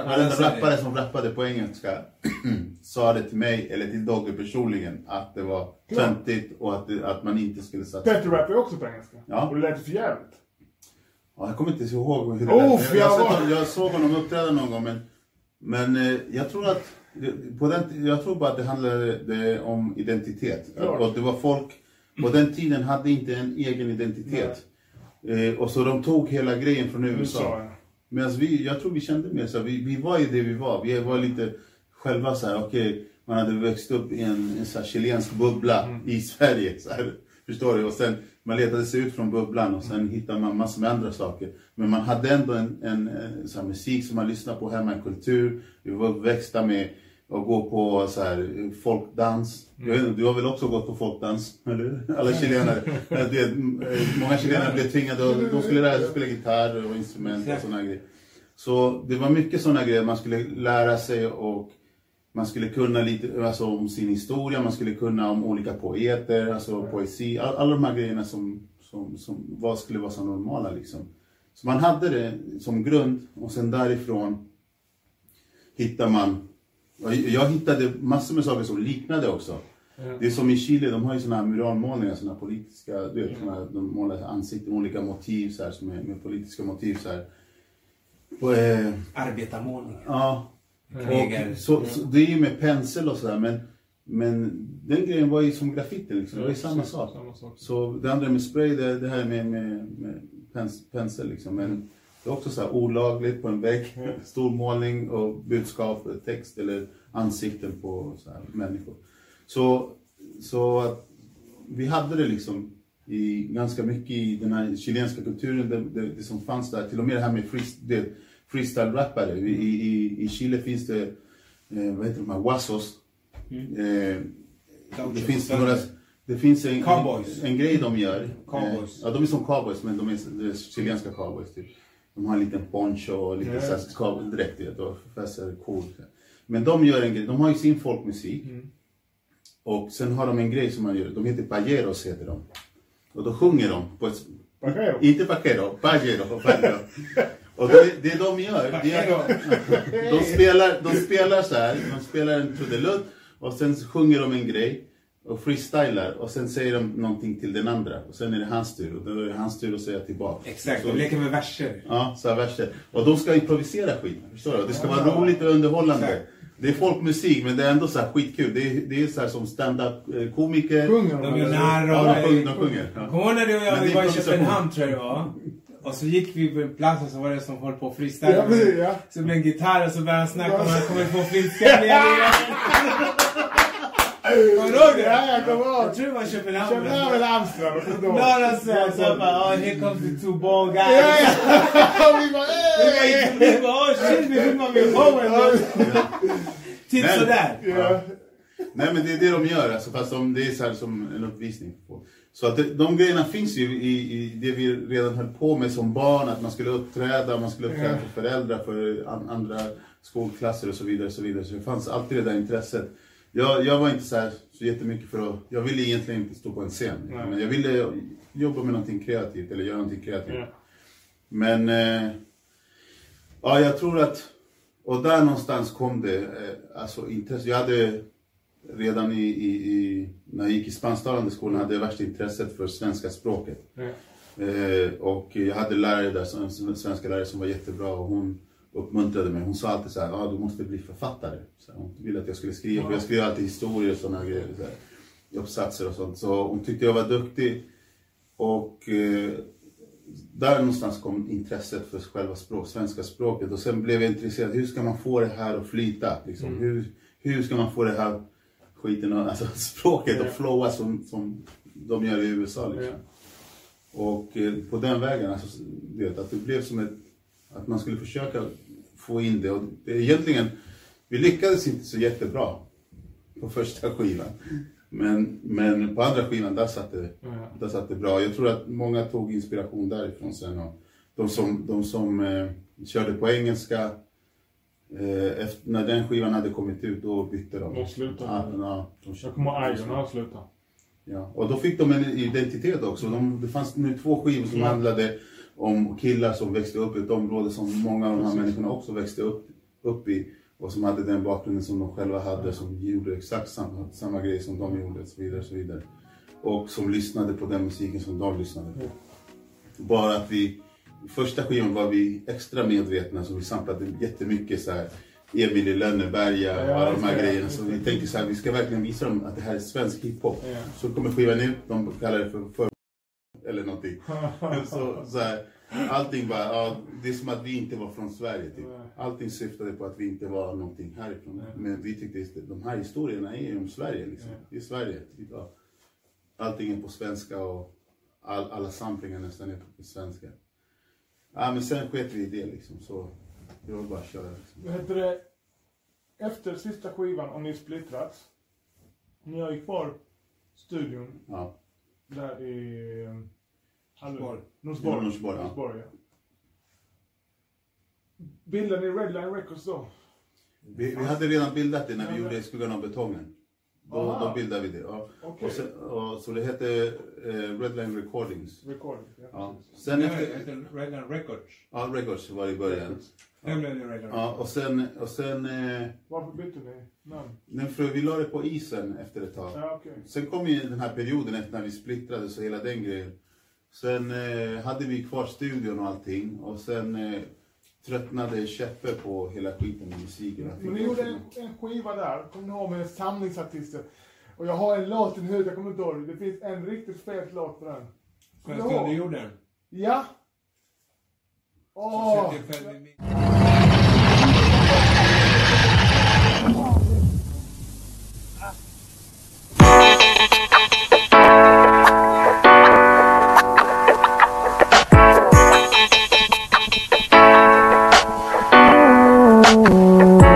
Sätt dig själv i min sits och vi ska se hur du mår För knas och skit är allt jag får Va? Sätt dig själv i min sits Hellre sitt Vad sätter själv i min sits. Vad är det med dem? Vad är de? Jättebra. Nej men det, alltså, Vad de, fan hette de än? Ja! de försvann. Alltså de... Oh, Nej men vad hette de? Vad Highest. Highest. Det var Ise, Borak och vad Krille. Nej. Men det, det där är också så här, den låten är en blueprint för hur förortsrappen låter idag. Det, när, när man hörde den grejen, så, så där låter hiphop än idag. Exakt så där.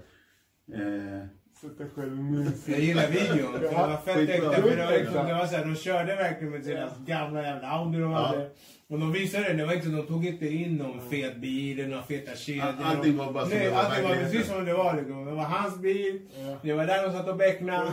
Det är där de köper, det var vara. nej Liksom. men de, de st- stod och, Det här vi hänger- de stod och, och meckade sig i en port också. Det, sen blev det en klyscha. Då- Så här, eh, att folk står i porten och, och, och meckar och så här. Men här var det så här.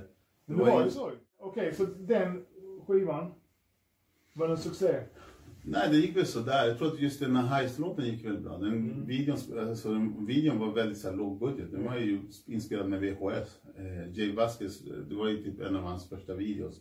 Han blev ju sen videoregissör, men det här var bland hans första grejer. Fan. Och väldigt enkel, men folk kände ju så här att den, den videon passade så jävla bra med låten. Alltså, det var ju så här, verkligen. Förstår än idag när man kollar på den, man bara fan. Den, den passar Det är, skitbra. det är fortfarande en bra låt. Ja, fort, Den, exakt. den håller fortfarande. Oh ja, liksom.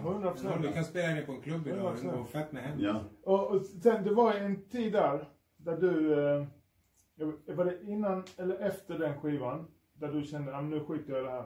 Nej men det var i samband med allt det här att vi splittrades och sen... Eh, ja, jag, jag tröttnade bara på hela grejen och sen eh, så... Det gick ju inte så jättebra heller med att sälja skivor liksom.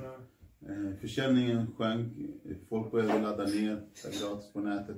Una cerveza, por favor! Den är slut. Ah, sluta! Eh, rom, Det är rom. därför jag måste, exakt, Rom. du måste gå och köpa lite cola.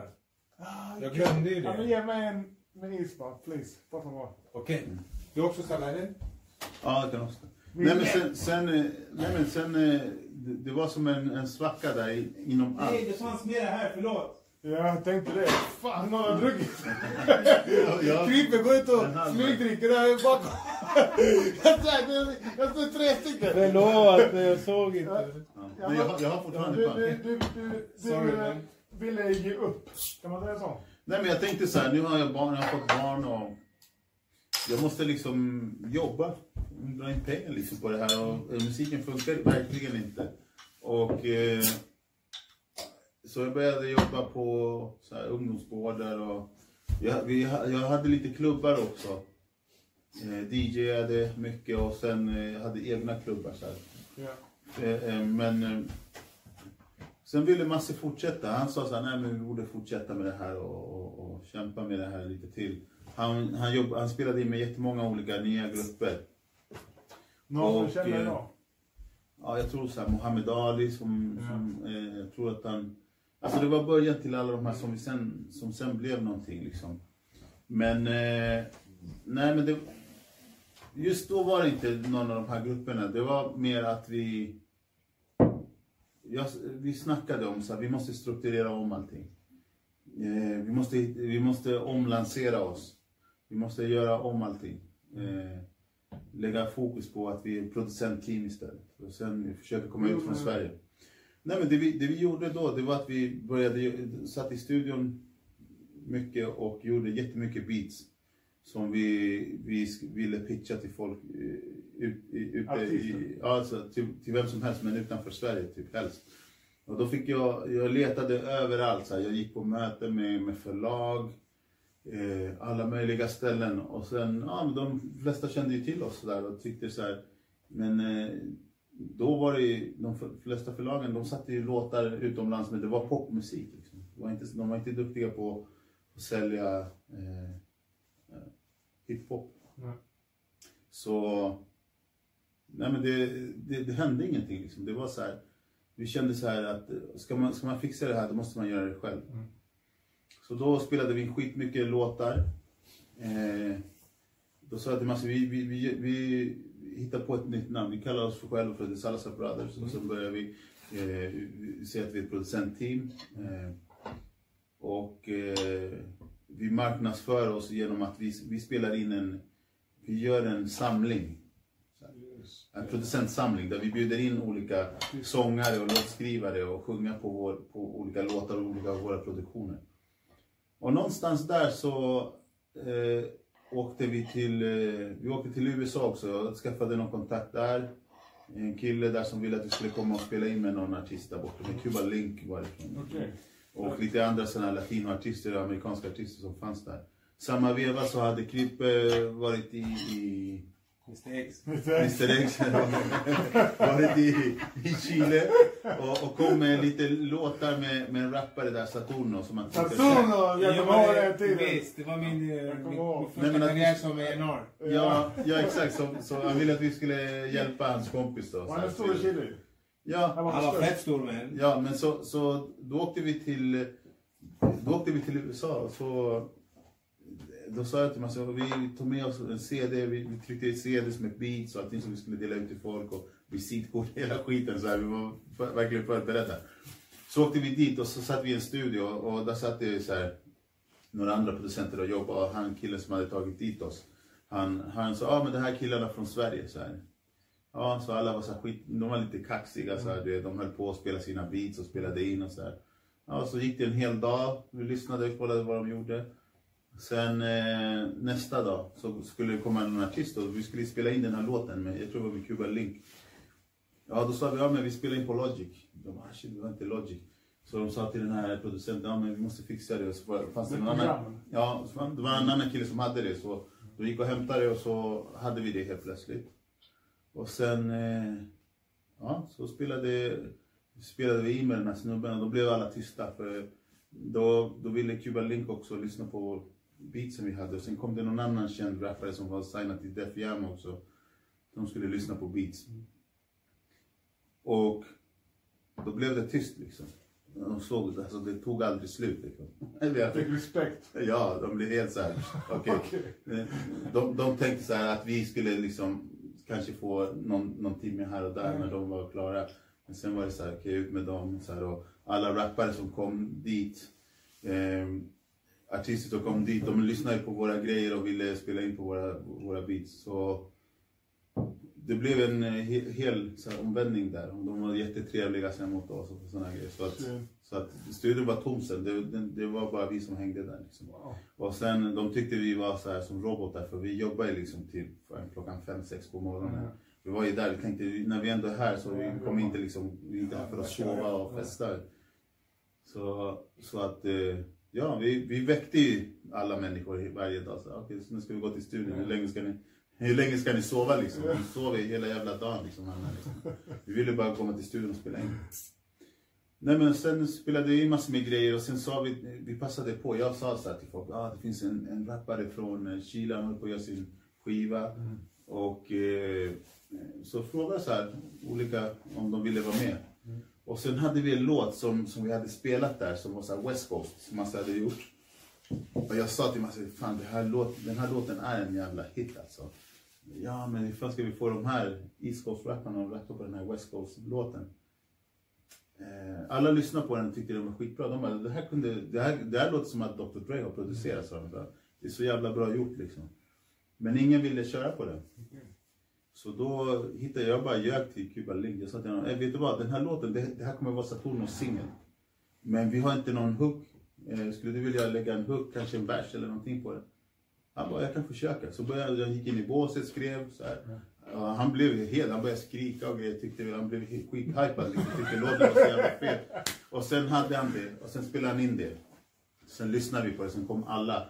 Så sen kom någon annan rappare eh, där från New York, han bara, får jag vara med den här Say? Han bara, får jag vara med på den här låten? Det här, det här, det här kommer bli en singel, alltså, det kommer bli en skitbra låt. Vi bara, ja visst, lägg någonting. Så han la han, han en vers, Cuba Links la refrängen. Sen kom vi till Sverige och då kom Saturno. Saturno, vi har en hit åt dig. Lägg din, jävla, din vers. Han behövde bara lägga en vers liksom. Det var, Jag trodde låt- det var den var sant. redan klar liksom. Så, så och, och, och då blir det ju hans största låt. Det är den största. Ja. Då åkte han tillbaks då och släppte den i... Och då, ska vi, då måste jag säga, ja då måste jag säga i Chile exakt. Jag måste säga att hans karriär var verkligen på botten. Alltså. Han har också varit med i en grupp. En grupp eh, som är Chiles största rapgrupp. Det är den gruppen som har sålt mest skivor av någon annan grupp i Chile. De har sålt över 90 000 ex. Och det är fett mycket skivor. Wow. Alltså det här är ju då innan där, Napster och det här. Mm. Så att han hade ju en grund liksom. Ja. Så här. Och eh, jag hade också slutat i gruppen. Och försökt starta nytt och det hade inte gått så bra. Sen släppte han en till skiva. Det hade inte heller gått så bra. Sen så träffade jag han bara, så sa jag det till honom att det... Du träffade honom? Ja... På en klubb eller något sånt? Nej, faktiskt. Jag var faktiskt eh, och letade efter weed. I ett kvarter. Jävla I knarkare. ett kvarter. Och, och det roliga var att det var en sån här, det var liksom polisbuss precis i torget. Och den här killen som sålde weed, han var liksom, bodde precis bakom där bussen stod. Wow. Och där ska vi gå in liksom så här. Och jag bara, "Ah, ja, så här, skit det, men, men grisen står utanför liksom. Han bara, skit i dem, jag känner dem. vi hade redan köpt dem liksom, så här. Det var köpta grisar liksom, så, här. så jävla korrumperat liksom. Shit sådär. Och så lärde jag mig känna dem med Sekis. Det var Sekis som tog dit mig till. Och då sa de att en av de här killarna in i den här gruppen bodde i det här området. Så sa jag, men hooka vi med han. Så här, vi jobbar också med musik och vi kan, kan du vet, det ena kan göra till det andra och sådär. Men det hände ingenting. Det hände ingenting. Och då, han var ju, han var ju kändis liksom. då.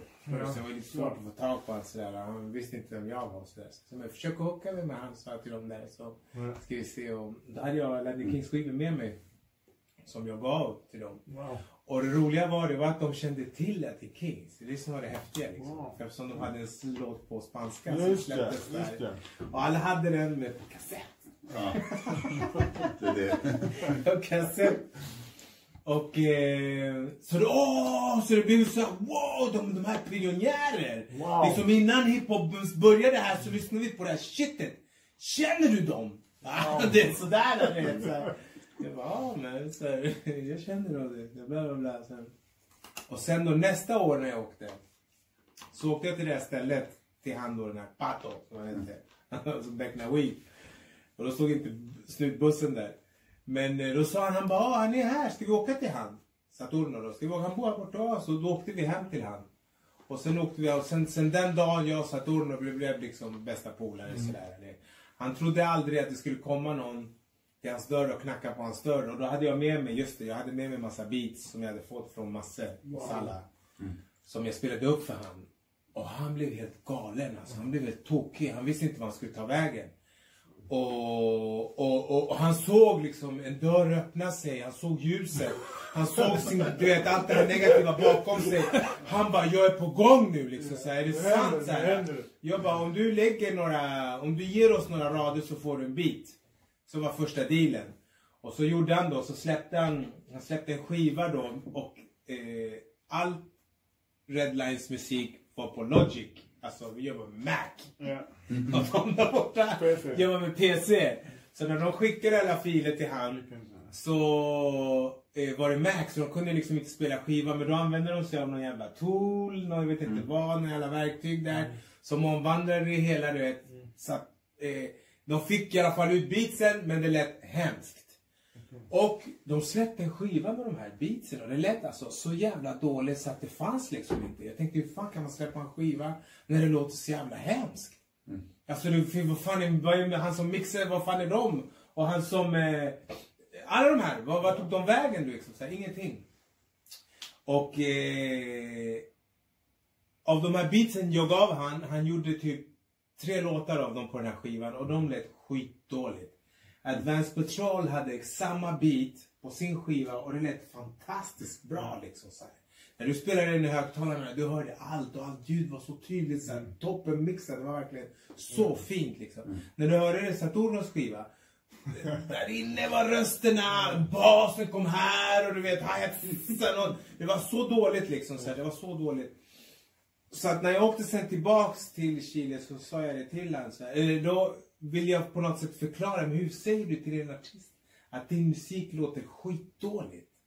Det är jättesvårt. Det är som att krossa hans hjärta. Det är som att säga att din mamma hatar dig. Din dotter är ful. Varför är din dotter så ful?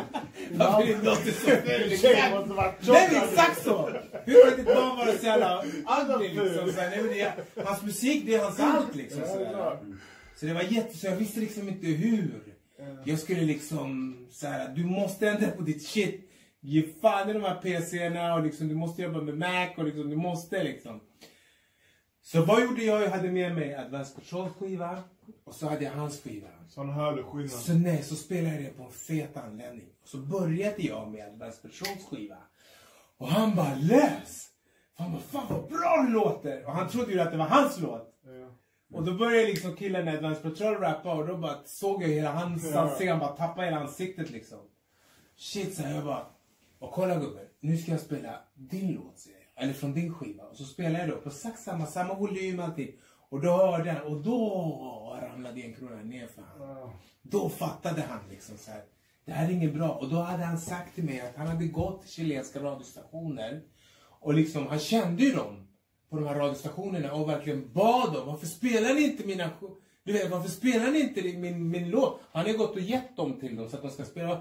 Och, och de visste inte heller hur de skulle säga. Och sen erkände han det till mig de hade sagt till honom att efter ett tag, alltså inte på en gång, utan de sa nej men vi kan inte, det går inte, det är inte jag som bestämmer etc.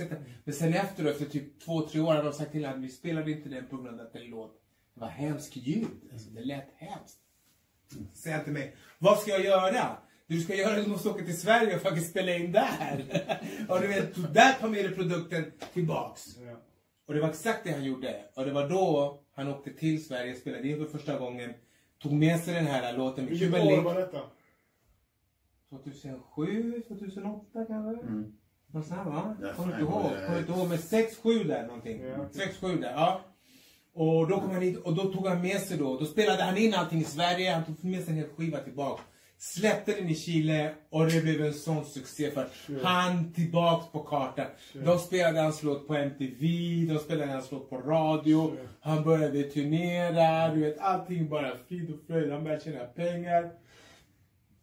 Och allting börjar gå bra för honom liksom, så här, helt plötsligt. Och det är jätte, jättesvårt att slå i Chile med hiphop. Ja. Alltså det är jättesvårt. Ja. Varför? Chile har sämsta jävla ryktet där.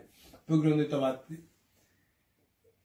det är liksom, det, det handlar bara om våld, det handlar om, om eh, att, jag vet liksom döda folk och du vet såhär, det, det har inget bra rykte. Ingen Och, och det är verkligen inte så, det är tvärtom, eller hur? det, Så det, ingen, gill- ingen gillar, ingen gillar, nej men för att liksom de, de snackar om, om kriminalitet, de rappar om droger, de, och folk i Chile de, är, de, är fan, de går omkring och är rädda liksom. Så här, Det går inte hem där, det är ingen som vill lyssna på den här skiten. Det är ingen som vill höra att någon dör, det är ingen som vill höra hur tuff du är. Det är ingen som vill höra hur mycket droger du säljer, det är ingen som vill höra att du har en Rolex och liksom, det är ingen som vill höra det där. Och då var det jättesvårt att komma med någon hiphop då. För då var reggaetonen också på väg att slå fett hårt där. Och den var överst. Ja. Och det tog över hela skiten. Så kom du med någon hiphop. Det var liksom, det var som om det var ute. Du vet, det är såhär, äh, uh, uh, det var ju för länge sedan. Fan- du vet, så här. Men nej, han kom och han tog och han la hiphopen tillbaks på kartan i Chile. Tack vare den här låten. Så det är skitfett liksom. Så alltså, vi lyckades, Salla här och jag och lyckades liksom sätta tillbaks hiphopen i. Chile. Och Masse, självklart. Masse, självklart Masse. Masse ska ha den största eh, krediten. Nej, för men det är hans men det, låt. så, det är så det är med Men låt. det så här är det. Så vi gjorde nå- och satte tillbaks hiphopen i Chile. Och därutav kom det också nya band. Förstår du? Som det? Det slå. måste kännas sjukt. Ni är chilenare för fan. Nej, det är klart. Alltså, jag känner att jag har bidragit någonting till det. Någonting. Jag har hjälpt han. Han, han, han älskar mig, den här killen diskuterar. Jag är hans, eh, vad han säger? Jag är hans eh, mentor. jag är hans mentor. Han, alltså, jag är som hans storebror, hans pappa. Jag är hans allt liksom. Så här. Han älskar verkligen mig. För jag, har- jag tog honom verkligen ur skiten. Ja. Och gjorde en artist av honom igen. Du vet, och varför jag gillade han. Eh, jag visste att han var med i den här gruppen. Jag visste att han var en av dem. Jag visste att han hoppade av gruppen också. Men jag var en gång och tittade på ett, ett, en chilensk funkgrupp som skulle flytta från eh, Chile. Och de skulle åka till Mexiko. Och det var en avslutningskonsert med alla deras polare. Och då uppträdde alla de här, det var massa då som uppträdde, massa olika artister som uppträdde. Och då när Saturno kom ut på scen, då märkte jag att alla tjejer bara wow, hoppade upp och bara liksom till hans låt som hette 2001. Och de blev helt tog. Jag tänkte wow, du vet, så här, det blev en, en helt annan reaktion när han kom. Jag tänkte vad fan är det här? Så tänkte jag så vi stod en bra bit ifrån eh, från scenen. Jag var där med Nano faktiskt. Och tittade på, på det här och så ser jag, vad fan är det här? Och sen okej, så jag tog, ah okej det här är från Tiro de Gracia, wow, wow, hitta dit sådär. Inte okej. Och då, det, det där satte sig i mig liksom att den här är, den här killen är duktig liksom. Så han, han, han, han, han, han rappar även till tjejer. Och tjejer gillar han. Det är bra tecken. Det är jättebra tecken. Det, så det, bara, det, det reagerade jag på. Liksom, så här, det är bra. Så här. Och därför och sen då märkte jag att han bodde då i det här området. Så tog jag kontakt med honom och bla bla bla. Så där. Bra, smart man. Det är skitbra tecken. Ja. Faktiskt. Så, så den vägen. Sen så nu idag, han och jag vi är bästa polare liksom. Så här, nu när jag var i Chile. Kontakt fortfarande. Ja, ja, ja. ja, ja exakt. Nu när vi var där också, vi, vi var i Chile tillsammans, jag och Salah. Så, och där var han i Miami tyvärr, just då. Så, men annars hade vi, Ja. han, han, han ligger fett med Han skuld. li- ligger ba- back. Ja, Han exakt. skulle köra av Han skulle, ja, han skulle göra det, det och det och det och det. Han skulle presentera oss för det och det och det och det. När vi kom dit, men då var inte han där tyvärr. Så. Det var därför han taggade. Nej, han, han hade, det var hans, hans eh, svåger som fyllde 60 år och sån här, och de firade det i Miami och alla skulle åka dit och de hade planerat det och bla bla bla. Så, så. Men visst, han, han vill komma tillbaks nu igen här och, Till Sverige? spela in. Ja, exakt sådär. Exakt. Han, han släppte typ, han släppte en sån här sex, sju singlar från den där skivan. Mm. Nej men det gick ju bra för honom. Det gick fett bra, ja. Det satte han tillbaks på kartan. Och jag menar den här, vad heter det, de här i USA som man sa de här grejerna till. Det var ju ingen lögn. Förstår du? Ja. Just då, den dagen var det en lögn. Sen var det ju inte en lögn, för det blev ju så. Nej, det var bara en idé. Så man kan ju se det man vill. Jag, så, jag såg det bara att jag, jag såg framtiden. Det här är en hit. Jag tror att den här kommer funka i Chile för att det är ett varmt land. Det är lite som någonstans som LA. Eller jag vet inte. Ja, Så här, det är som LA. Det påminner lite om. LA. Så här, klimat, allting. Det ligger på samma... Kalifornien och sådär. Nej, men, det, Ja. men det påminner lite. Och så, och så jag tänkte det, det är en glad låt.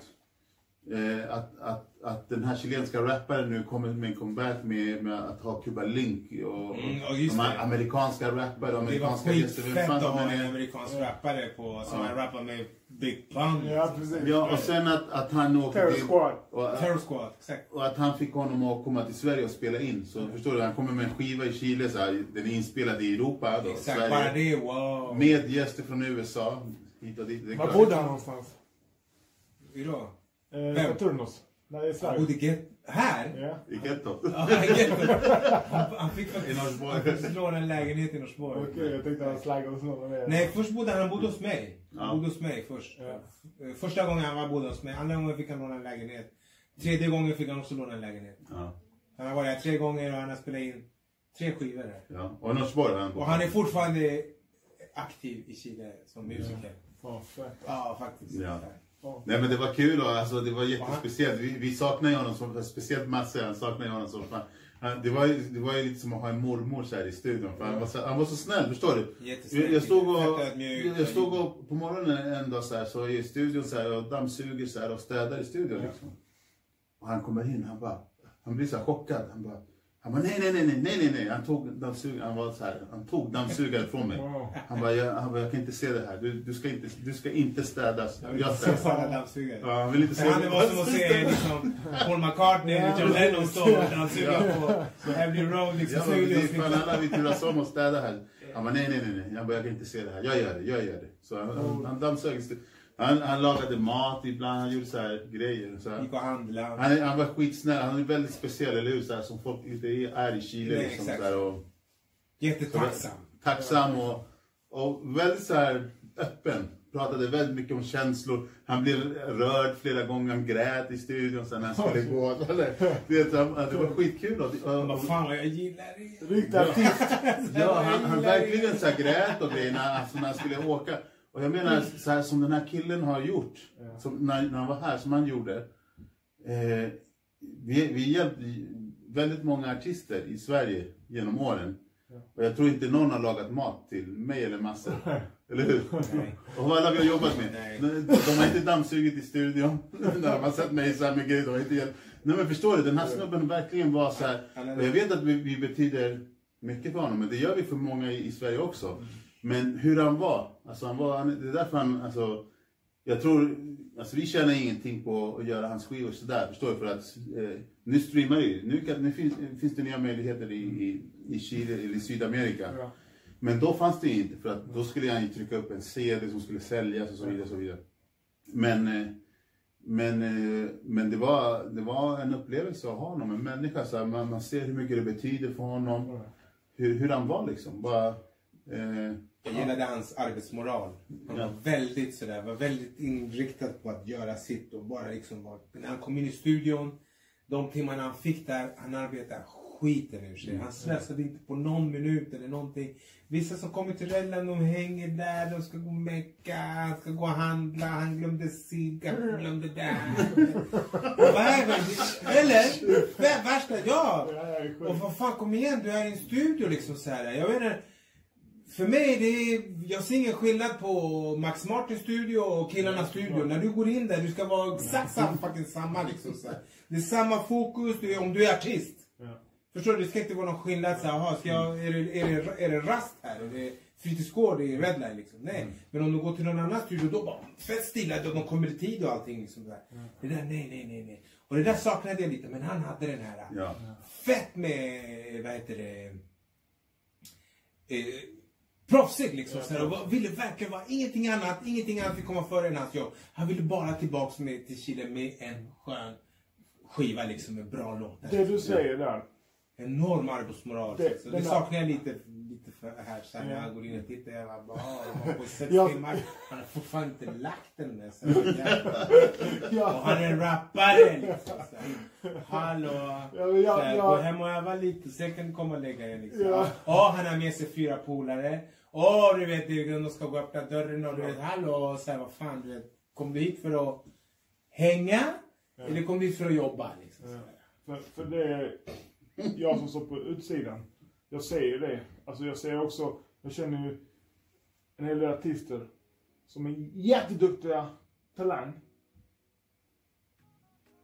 Och vissa kommer ingenstans. Mm. Och vissa kommer långt. Jag tar Timbuk som exempel.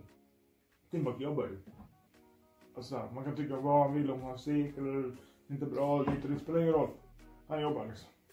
Alltså, Timbuk är grym, han har alltid jobbat med. Han har alltid jobbat hårt.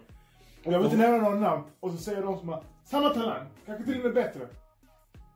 Som chillar. Lite mycket weed, lite ladd, tje- tjejer, och du vet de hänger. Nej, och de får en, ingenting, de de får en liten hype. De får en liten hype och de tror att det är klart. Ja, Ja. de tror det är klart. Nej men det är det som är Nej, grejen. Det, jobba med dem. det, är det, som Hallå. är, det är det som är Tyvärr, det. vad fan snackar de om? Det nu är det svåra börjar. Ja, exakt. Det är nu, hallå, Exakt. nej, nu börjar det. Det är, det Exakt. inte, det är inte nej. Så här, det, Nu har du en chans. Klara. Nu har du en chans att växla ner och trycka Det är ordentligt nu du ska visa vad du går för. Det är. Det så många artister som Och du får måste det ha varit med om det sjukt många Ja, det- men till slut slutar man, man bryr sig inte längre. Men det enda, det enda som är viktigt för oss är att vi alltid har samma liksom, arbetsmoral och samma driv.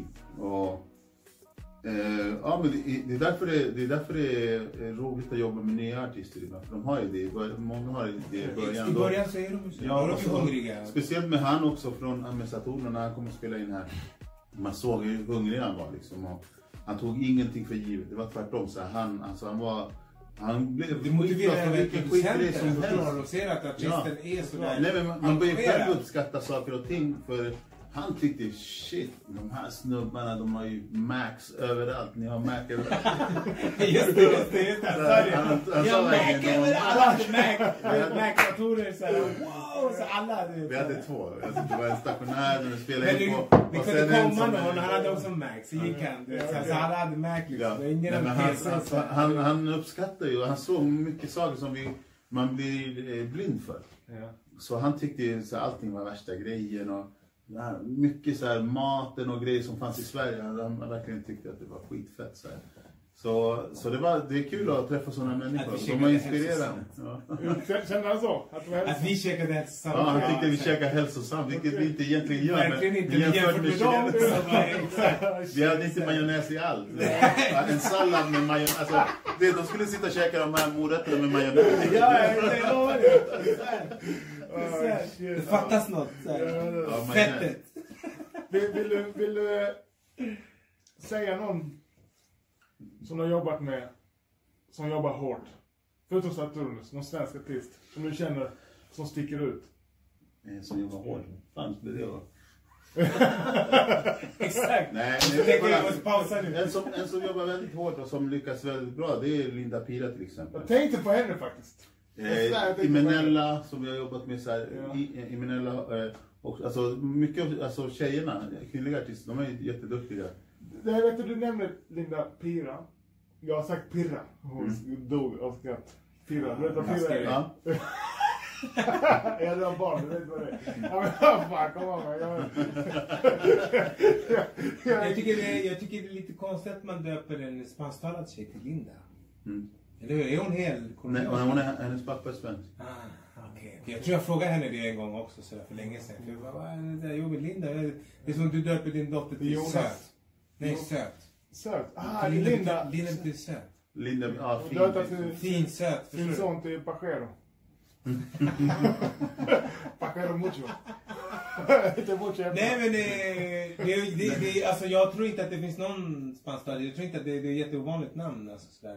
Men Linda är ju svensk. Hur fick ni Linda? Alltså när kom... Men min fantasi är att när det var typ den första... Efter uppbrytningen av Latin Kings, den första artisten som slog, eller? Nej, Var det inte det? Okej. alltså det var en, det var en, en lång period där av, av olika saker som hände. Alltså det är bland de första grejerna som hände då, det var att vi Eh, det var genom, genom det också som eh, eh, rockgruppen kom till, till oss, Mando till. Diao, kom till studion. Det var Gustav som ville... Det var en stor grej. Yes. Ja, jag tror... jag han minns, hade- han jag minns faktiskt. Vänta, jag måste gå på någonting bara. Okej, ja. Man tar en paus. Ja, men... Pisspaus. Ska vi pausa? Komma. ja, men... Okej, vad... Du sa när Mando Diao kom. Så vad är det vad ni lärde er då? Nej men då, då var det ju... Kom var det på den perioden då, då jag och Masse skulle göra en producentskiva. När har han gjort den?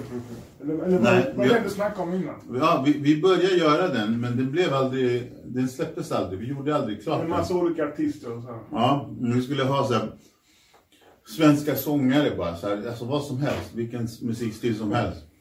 Ja. För att inte jobba med hiphop bara. För alla tänker ju alltid på oss, ah, men de gör ju hiphop. Men sen kom en dag jag klippte in då med, med Gustav och han ville komma förbi.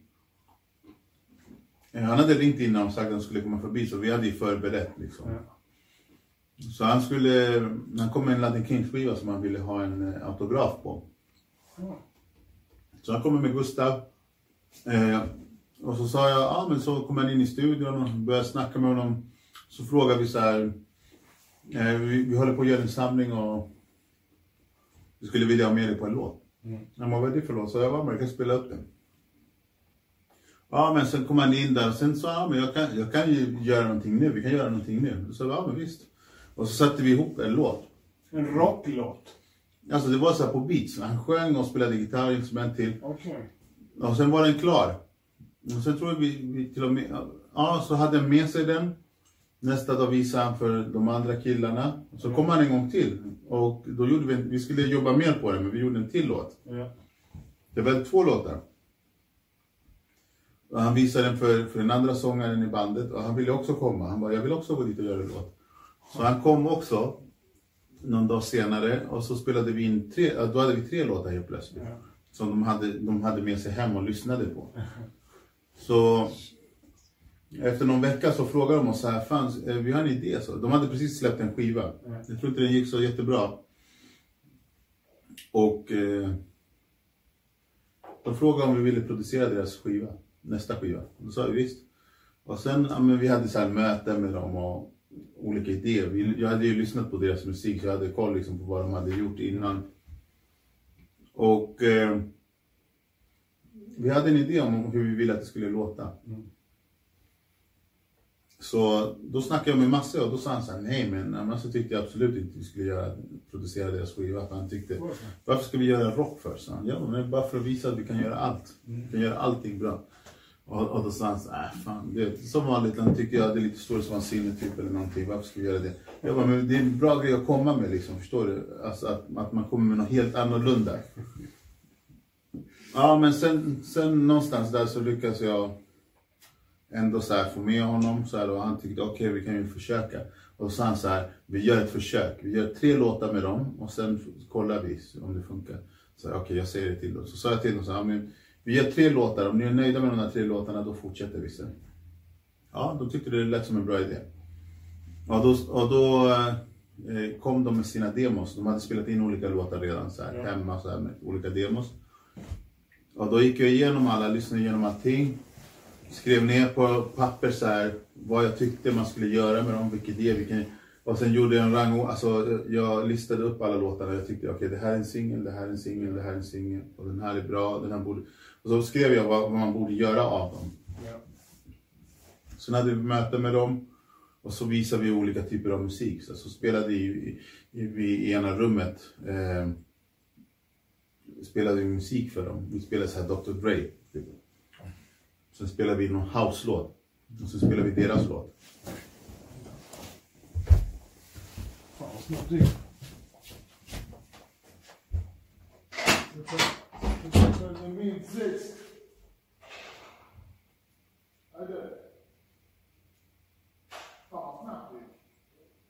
Han sprang. Gick inte grannen?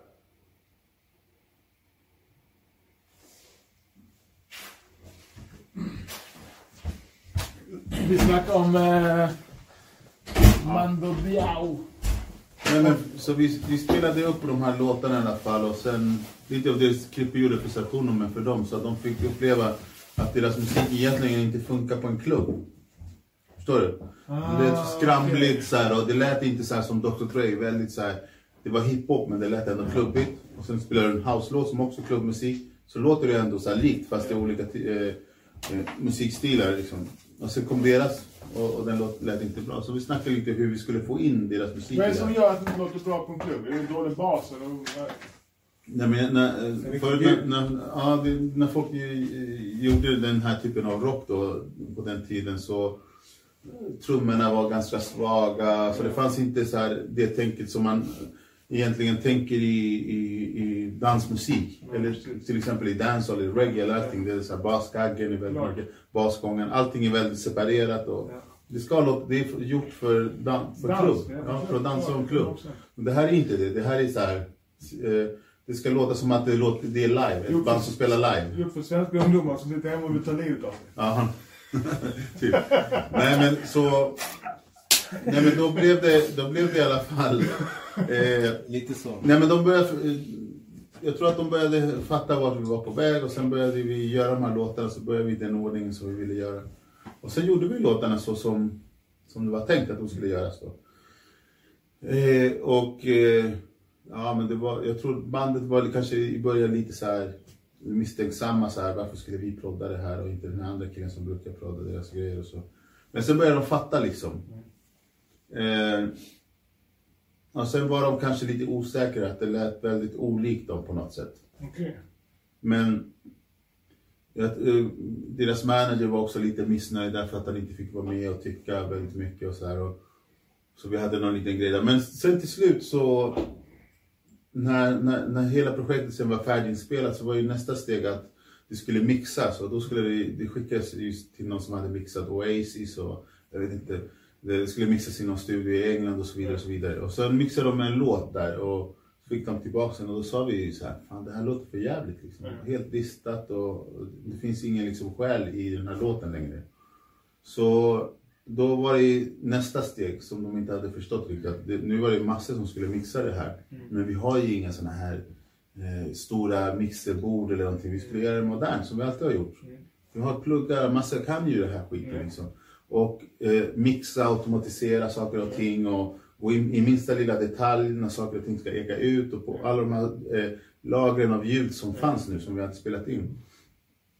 Så man kan, man kan inte bara skicka det till en engelsman som bara ska så här, så här, sätta volymen och dista hela skiten så låter allting så här. Nej, för ibland ska det vara högre, ibland ska det vara lägre, vissa saker ska eka ut, de ska ha speciella effekter och de, han visste ju inte det. Så han kunde omöjligt göra det. Han hade inte facit. Men sen eh, kom ju det, det här eh, tjafset med managern som jag hade lite grann där som eh, ledde ju sen till slut att eh, hans manager la sin energi istället på, eller deras manager la sin energi på att fixa kontrakt med, med Universal i Tyskland istället. Och så fixade han ett möte Och då skulle vi snabbmixa några låtar. Eh, demolåtar. Skulle spelas upp för dem. Och då kom ju de här tyskarna och lyssnade på grejerna och tyckte det var skitbra. De trodde ju att det var färdigt liksom. Fast några av låtarna var ju gjorda på en halvtimme liksom. Eller mixade på en halvtimme i studion. Så de fick ju det kontraktet de ville ha och allting. Eh, och eh, det gick skitbra. Och då, Ändrade och, då, och då förstod, nej men ja, alla ändrade sig. Managern ändrade sig sen när vi, när, när, sen, när här blev signat, det skulle släppas. Sen åkte vi till LA och då spelade grabbarna på någon rockband, eller på en rockklubb, någon rockklubb där. Eh, Troubadour. Troubadour. Troubadour. Troubadour. Ja. Det är något Den känt är där. fet, jättekänd alltså. Alla har spelat där. Alla, alla i Beverly Hills. Okej, wow. Ja. Visst. Så vi var, vi var där och då kom deras, alltså då körde de den här låten. Troubadour. Eh, Dance, with, Troubadour. ja, Dance with somebody kö- körde de då. Ja. Och då som den, den hade gjorts om till hur den skulle vara. Så här, och, och de körde den och det blev värsta succén för en publik som var så här, ganska många så här, mexare liksom från, från LA. Jätteliten scen i Sverige. Ja, så här, och, och de här hade ju aldrig hört låten. Men det var ju liksom höjdpunkten i konserten. Alltså de, de flippade ju på, på den liksom. Så, och då kom han ju, han var en jätteglad manager och sa ah, men att det var bra att jag stod på mig och att, att han, han, då sa han så att jag hade rätt. Och han hade fel. Ja, nej, han sa inte att han hade fel, han sa att jag hade rätt. man man. Du hade rätt, jag hade inte fel. Ja. Nej men att det här kommer gå skitbra, för då fattar han ju att den här låten spelas för första gången för några som aldrig hört den och de flippar på den och det är som att det är Är han som- manager, är han musiker? Nej. Nej. Va, jag, jag, jag har mycket, mycket, mycket svårt varför han står och ska ha åsikter överhuvudtaget. Nej men det, det, det, jag tycker så här, kolla, det, för mig spelar det ingen roll. Det är så här, eh, om, om till exempel Klippe ska ha en åsikt om en låt som vi har gjort, Ja. då, då är det ju bra om han är i studion. Han kan ju säga, jag kan ju höra på hans åsikt, eller på din åsikt, om ni är i studion och sitter och gör någonting och ni säger ja men det där låter konstigt eller, eller det här låter bra eller bla bla bla, bla. Vad, vad det än kan vara för feedback som man får från er eller åsikt. Det är kul om, om folk är i studion. Men, men jag vill inte sitta och skicka mails, låtar till någon och då ska den personen tycka och då ska vi sen nästa dag ändra. Då tycker jag då kan den personen komma till studion och ha sina åsikter där istället. Och helst inte, för att om, jag, jag har aldrig jobbat att eh, någon har åsikter på vad vi gör. Förstår. Ja. Utan vi är producenter och då är vi, jag pratar med massor, vi pratar med bandet. Och vi övertygar bandet om att göra det på ett speciellt sätt som vi tycker är rätt sätt. Eh, och det finns ju så många sätt att göra en låt på. Ja. Speciellt när den redan är skriven. Men vi, vi försöker bara ge dem en idé. Vi tror det här kommer gå skitbra. Den här kommer funka av de här, de här eh, orsakerna. Och sen ska man bevisa det. Och då, då vill man ju att de här personerna ska lita på en. Då vill man ju inte ha någon utomstående människa som inte har, det är inte ens den personens jobb. Och då ska den personen hålla på och säga att det vi gör är fel. Och så här splittra och man vill inte ha de här människorna omkring sig.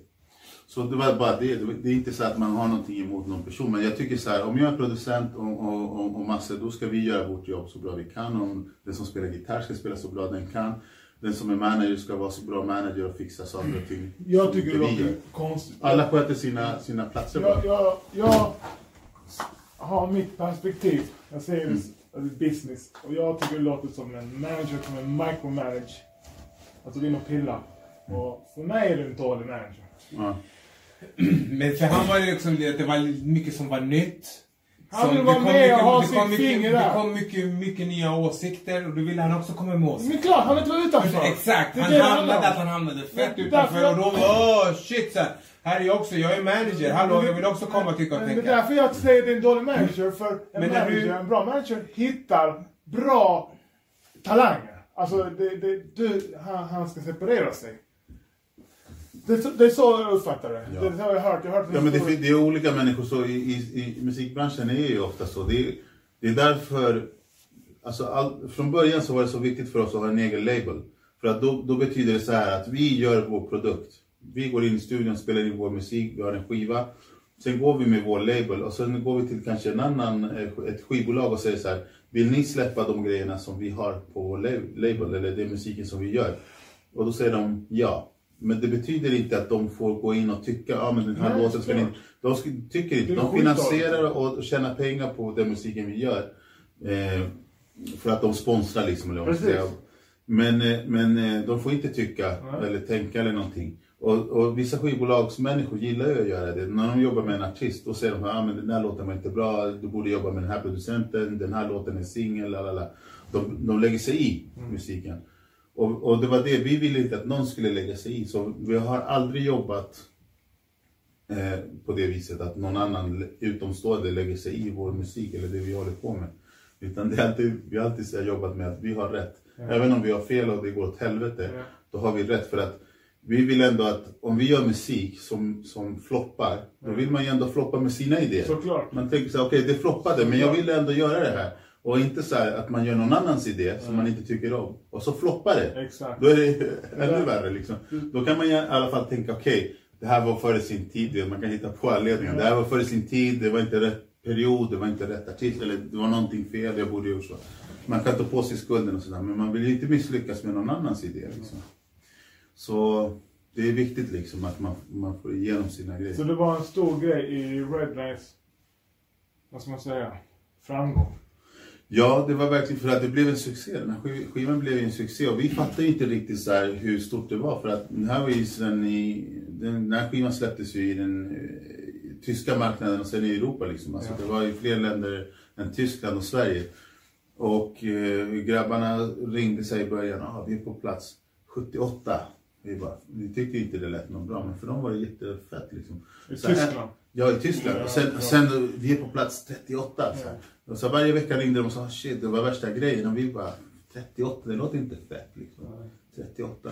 Och sen kom det ju fram, de har ju haft framgångar i Tyskland innan, men de här placeringarna, eh, de, de hade inte haft högre, högre placeringar än så. Ändå hade det gått bra för dem där.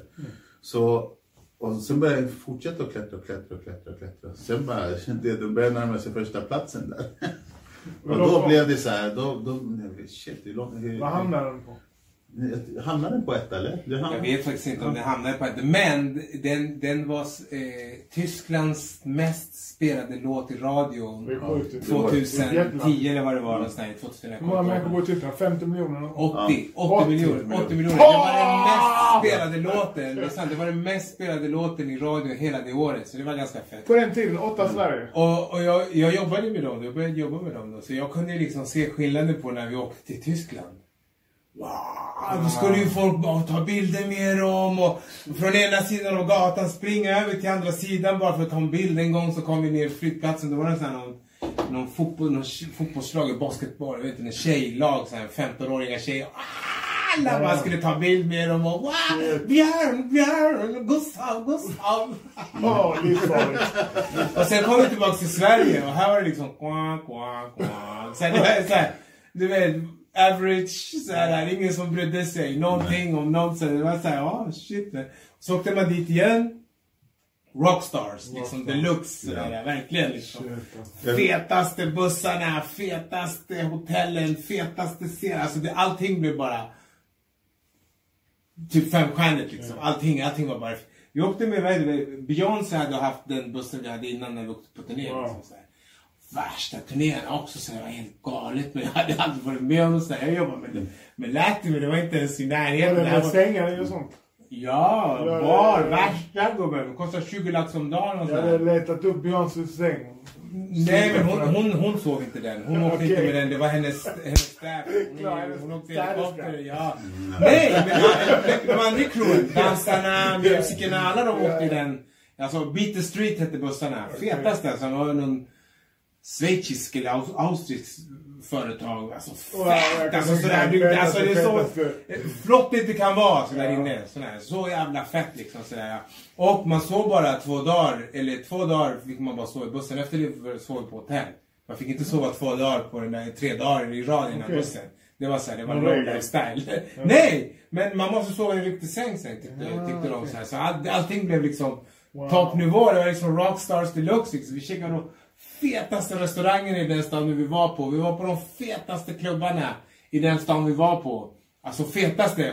Det var deras låt som spelades mest på radio. Alla ville ju ha dem. Ja. Förstår du? Vi ringde Café Opera och sa kan vi komma? Vi har ett bord till exakt. Förstår du? Det var ju sådär så. Det var jättelätt Ja, liksom. Vi behövde bara ringa och så välkomna liksom. Så, så allting bara flöt på så det var skitfett Var du med på det alltså. också? Jag, jag var med i, i början där, för de, de, jag fick ju åka med och eh, jag skulle bara så här lyssna när de repade och sen när de, när de uppträdde live. Eh, och då frågade de typ mig vad, jag- vad jag tyckte om ljudet och då sa jag, fan, jag, bara, jag tycker det, det är ganska spretigt så här, och Ja. det är inte som på skivan att det är så här, Ja. väldigt strukturerat. Eh, så de snackar ju med den här, snackar lite med, eh, vad heter han, Dirk? Dirk. Ljudteknikern. Daniel? Nej, nej, nej, nej. Han är Nej. tysk. Du känner inte honom.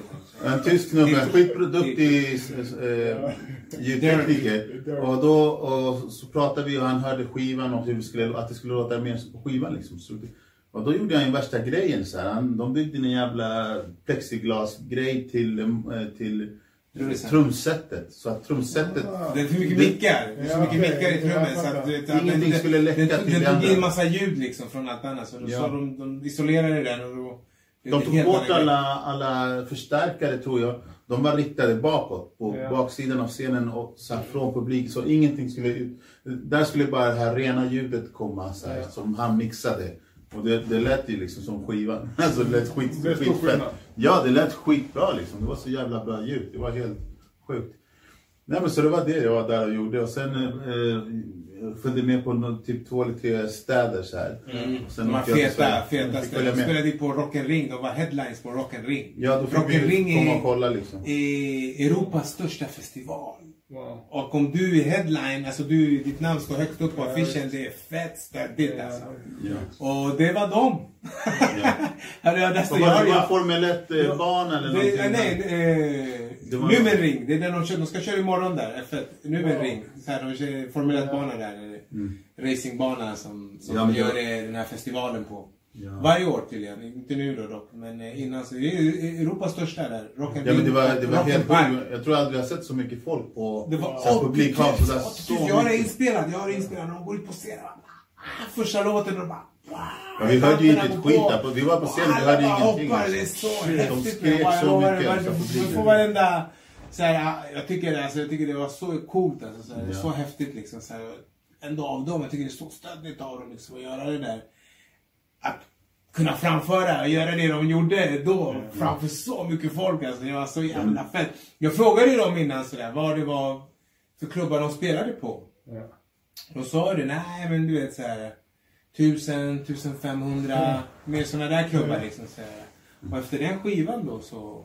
Det var så här liksom 5 de- 5000, de- 7000 och sen stora festivaler. Nej, och sen blev det arenor liksom. Ja, arenor. Det blev arenor liksom. Från bara den skivan liksom. Så som spelades in på den liksom. Även för dem, deras karriär, det var redan bra. De var, var etablerade, jätteduktiga musiker allihopa. Mm. Och, och, och det här var bara att nu fick de till det liksom. Och det var det de, de behövde. Och det slog. Och slår du Tyskland så får du Schweiz och Österrike med automatiskt. Så här, och, och det är norra delen av Italien. Det var ganska roligt. För vi var i Italien flera gånger.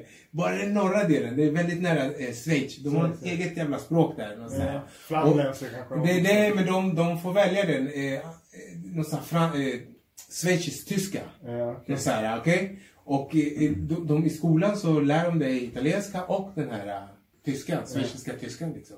Så att när vi kom dit och ser, jag ser på honom, han är en sån jävla italienare så det bara stinker om honom liksom sådär. Och han börjar prata tyska. det blir så jävla fel i min hjärna. What the fuck liksom. Och den andra svarar också på tyska. Bara, vad fan var han? Ja, ja, ja, ja, stimmt. Ja, och bara, jag vet inte vad. Det var, shit, vad fan är jag någonstans liksom sådär. Jag var tvungen att fråga honom det sa han. Nej, men de lär dem dem redan från början. Det är så nära gränsen till, eh, till eh, Schweiz. Så att radiostationerna kan catcha upp deras musik liksom. så, Ah, att, okej. så att det är så liksom. Så här. De lyssnar på samma musik de lyssnar på. De lyssnar inte på musik från Italien för det är för långt neråt liksom. Ja. Det är närmare till Schweiz liksom. Så här. Den här samlingsskivan. Mm. Var den innan eller efter Mandel? Alltså vi skulle göra en, eh, den här som du snackade om hiphop-grejen. Ja. Ja, det, var, det var innan. Innan, ja, Och långt innan. Långt innan. Det var två stycken också svenska under jorden. Det var två stycken Det var, det var innan vi gjorde Den låten du Mitt släppte, kvarter. Nej, den låten du nämnde, den som du tyckte om, det var den första. Ja. Det var inte samma, det är den här producentskivan. ja, den gjorde vi aldrig. Vi gjorde den aldrig, Nej, det var ju gjorde samma med Mandia och vi skulle göra det. Ja, vi skulle göra den och vi gjorde den här låten ja, och då gjorde vi det istället. Och sen tänkte vi, nu har vi varit i USA och gjort en grej med Saturno, nu har vi gjort det här, bla bla bla. Och nu börjar det bubbla lite här i Sverige. Så då, då, kom, då gjorde vi, efter Mandadiao gjorde vi, vi fick mycket remixer och grejer, så här, uppdrag från Tyskland. Det kom ju band Rock. från, ja det kom ju så här rockband till studion och skulle spela, de ville spela Tyska in. rockband. Ja, vi tackade nej. Vi tackade nej till dem. För att vi tyckte de var dåliga. Alltså de hade, deras material var så dåligt så vi tänkte fan, de, de är inte som Mando Diao-killarna. De har ju skitbra låtar. Så det är kul att jobba med det och, och det är bra melodier, det, allting är bra. Men de här grupperna, de försöker vara som dem, men de har ju inte bra låtar. Inte det där. Så, så vi kunde inte göra någonting Du för dem. nej fast eh, de ville De betala. betalar skitbra alltså, men Men vi gjorde vare- vissa grejer, remixer och så, men det var också tråkigt. Så sen började vi göra mer svensk hiphop istället. Ja. Det blir en annan grej för dem också att jobba med rock helt plötsligt. Ja, sådär. vi, vi ville bara göra det för att det var kul med, med dem och att den grejen Testa var speciell. grej. Liksom. Testa en ny grej just med dem. Men sen att göra med andra så här, och så, så här grejer som man inte ville göra. Ja, Folk man inte känner eller på samma Ja. sätt liksom. För det är en stor grej, samma- det är, det är inte så lätt att tacka nej till pengar. Och, vi, och det är också sjukt viktigt att, att tacka nej till grejer man inte vill göra. Nej men det, det är alltid, vi har alltid jobbat sådär liksom. Det, för oss har det, det är inte så här, vi, vi, vi vill leva på att göra musik. Ja. Eh, och, det, och det räcker ju för oss. Alltså, vi var ändå lyckliga. Vi har alltid varit lyckliga människor som gör det vi tycker om att göra det vi älskar att göra. Liksom. Så det är det viktigaste för oss. Inte hur stort det blir. Eller så här, egentligen. Visst, de här grejerna blev ju stora, men det var kul att göra. Och, och eh, sen vill man gå tillbaka till det man håller på med innan och så fortsätter Vem var nästa artist då? Nej, men sen, sen signade vi... Sen signade vi... Sen, sen började vi... Jag tror att när vi gjorde ett annat projekt, då åkte vi till LA. Eh, han var också med då. Eh, Vi åkte och gjorde, eh, vi gjorde ett annat projekt med. Eh, Trivs, New triv, York. trivselkoordinator. ja, vi åkte till New York. Nej men när var vi i LA? Vi, när, vi filmade en video i LA. Ja, exakt. Jag måste bara säga, i LA, i LA, vi var på en sån fet jävla studio. Ja. Det var så jävla fet så att de bara wow! Det är sånt här jag har drömt om. Och det är såna där ställen jag, alltså bara få vara där var helt jävla maxat. Så säger de att Frank Sinatra har spelat in Oh. där. Alltså Frank Sinatra är det så här, Bob Dylan Ja. och sen du vet såhär shit, jag bara wow! Kommer du ihåg det där feta? Du med? Vill du ha med lite, kolla, visa? Nej, det är bra så. Okej, och, så, och så säger de så här, så, och jag, jag är liksom, jag är assistent där, jag, jag har ingenting att göra. Trivselkoordinator. Så här, va? Trivselkoordinator. exakt. Exakt. Men så säger jag så här, är det okej om jag kan eh, byta strängar på den här gitarren? Säger jag, för jag ser den är fett gammal. Han bara, you don't touch that guitar! You don't play with that guitar! Så här, you know who recorded with that guitar! Så här, jag bara, shit! Så här, jag ville bara ha någonting att göra, typ så här. Då hade Bob Dylan spelat in. Okej. Så du vet, jag hade tänkt byta strängar på den. I'm sorry. Där skulle jag byta strängar på den. De bara, nej du rör inte den. Så jag bara, okej, men sorry guys. Ja. What the fuck. Ja men det här var en, egentligen en annan resa. sådär, det, det, det skithäftigt. här var... Det här så var... där man vill vara i, det är den nivån man vill vara på med musiker liksom. Så häftigt, så jag kände bara alright. Ja, nej, men det här var en annan resa. Det, det var första LA-resan med dem. Då, då var det när de gjorde sin, när skivan var klar. Då skulle de göra massor med press för Tyskland och så här, tyska tidningar och sådär, musiktidningar. Och då åkte vi till LA och då hade de hyrt tre studios. Det var den här, Fairfax-studion. Det var en annan studio, Just det, eh, den Long- som var i, i Long Beach. Long och sen Beach. var det den tredje studion hos Matt. Så egentligen skulle grabbarna bara fotas i studion, förstår du? Wow. Och intervjuas. Men när vi ändå var där, alltså studion var ju hyrd med tekniker och allting. Så då gjorde vi låtar också. Låt, många av låtarna skrevs där, det fanns ju skisser och allting. Och då kom vi hem med fem eller sex låtar. Där, som, som helt plötsligt fanns. Som man gör. Ja, som- med extra material. Så i olika studier, med det där soundet, då hade man ju här gamla, det, de trummorna och allting i den här studion, feta studion. Det lät ju som såna grejer som man samplar så här, från 60-70-talet. Det lät ju skitbra liksom. Fast alla instrumenten var skitgamla och, och mikrofon, allting var så här jättegammalt liksom. Men det lät jävligt bra. Jag kommer ihåg att ni fick inte vara vid bordet också. Han sa, bara nej. producenten. Vem är producent? Det Du? var nära. Han- Jag fick stå bakom mixerbordet. Men han fick inte röra spakarna. Det. Men man fick, jag fick stå där, de andra fick inte stå. Han hade liksom stängt av så här med sån här röd rep. Så, här, så där fick bandet stå liksom och titta. Tidigt var coronarep. Avspärrat liksom. Ja, nej men det var jävligt så här, i, i, jobbigt i den studion. Snubben var ju så här väldigt... Han var skitjobbig det. Han var fett PT. Satt och tittade på så här amerikansk Ja. fotboll på TVn. Här, Ja, han kan var vi byta kanal? Otre, han var otrevlig och jobbig bara så här. Men, Typ- men, vi- men vi gjorde någon bra låt där och sen i den andra studion i Long Beach, den var ju skönast liksom. Mm. Där kunde, alltså, där var ju så här, du vet, man åkte dit som producent så satt man ju bara där och eh, jag brukar ju så gå med grabbarna själv och ratta lite på, på de här eh, förstärkarna för, för att få fram det ljud man vill få fram. De bara nej nej nej, alltså det, det var ju han som skulle göra det, han teknikern, han ska göra det, det är hans jobb.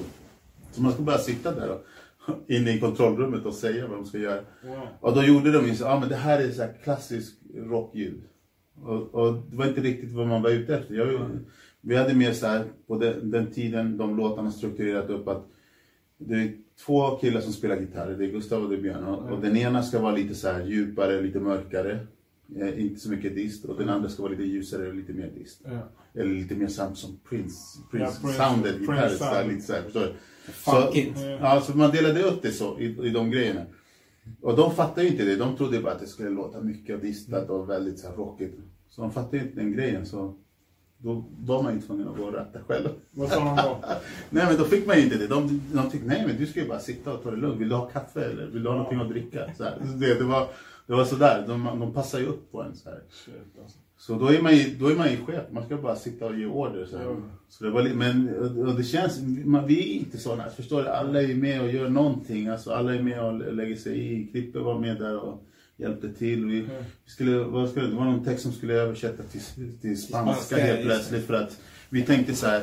Okej, var det fanns en, nej, men det fanns ju en låt som skulle göras. Och, och, och då visade, jag tror det var Björn som visade upp den. Och sen, han bara, den här låten. Så, ja, men, det här är så här som en Elvis-låt, förstår du? du vet, så här, man kollar på en Elvis-film och så är de så här, i, i Miami utomhus och så börjar de dansa och sjunga. Så här, det är så här, utomhus. Förstår du? Ska vi inte få den här känslan här i LA? Så här, utomhus i, i, i Ja, grillen och Nej men utanför studion så hade han som en liten trädgård. Ja. Och han hade så här palmer, det är LA. Ja. Så han hade palmer, så det var liksom lite så här djungel. La du kameran i rätt vinkel så var det som det var liksom. Ja, det är som en Elvis-film liksom. Här. I Hawaii eller något sånt här liksom. Så, ja, fast det var bara en liten del av eh, bakgården. Ja. Jättefint. Ja, och så, så de, de sa, de bara, det går att ordna. Man kan spela in utomhus. Du var fett. Ja, men då gör vi det. Så kvällen, eh, det kom några musiker, de skulle ändå spela där i, i, i Hollywood, eller vad fan var det, Beverly Hills. Dagen efter, så musikerna började komma in. Så alla musikerna var på plats och de ställde sig upp och så spelade vi in den här låten live utomhus liksom. Wow. För att få rätt känsla så här, att, att det var utomhus. Jag hade glömt bort det. Ja, och så, så var det en vers på spanska. Så Mm. Så alla, alltså vi drack Corona, så Vi käkade fett mycket burritos och burritos tacos. där, och så de gick och hämtade åt oss hela tiden. Godaste burritos jag ätit i hela mitt liv. Det var i LA. Wow, vad gott alltså. Och vi var där Och vi till var- eh, vi var där- Dia de los Muertos. De, de Exakt, där, alltså, till, exakt. Det var fett man. Wow, de där de går all in de här jävla mexarna när de ska fira dödens dag. Wow, det, var, det var häftigt faktiskt. Det var, det var precis när Obama blev vald vi var där. För vi satt och tittade på, kommer du ihåg? Vi satt och tittade på, på valet sådär. Det var i november, eller oktober, november eller något sånt där. ja. 2008 kanske det var. Ja, det måste det ha varit. Och det var val. Alla satt och tittade. Jag, jag tänkte jag skiter i det. Det, är liksom så det spelar ingen fucking roll vem som vinner. Alla är clowner för mig. Ja. Så, så, Så okej, Så- vänta. Detta, sorry. Ma- Manu Diao, LA, tillbaks till Sverige.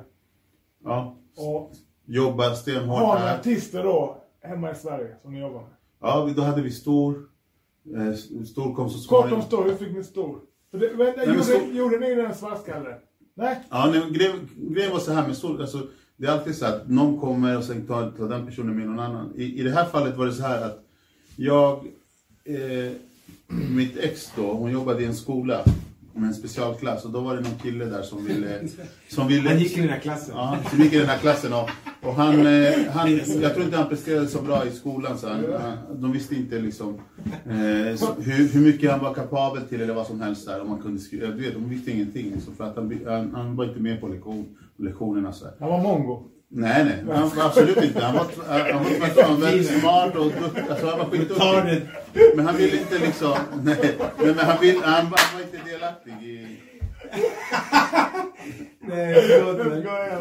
Man, man säger inte sådär. Det jag vet! Det är därför jag säger det. Nej men nej, men den här killen var, alltså han ville, helt plötsligt så, så, så frågade hon då, vad heter det, mitt ex, om, om han fick komma och hälsa på i studion. Och då sa jag så här, men ni har svårt, eh, om han har svårt i skolan och så här, så ni kan ju säga till honom så att, att han kan komma hit varje torsdag och vara med mig en hel dag, varje torsdag. En dag i veckan. Men bara han går till, till sina lektioner och presterar där på lektionerna. Och han gick med på det. De, de pratade med hans pappa. Hans pappa var ju så här, han, var ju skitglad att han skulle komma så här och, och, vara i studion och så. Så han var jätteduktig den här killen och eh, han gjorde flera beats.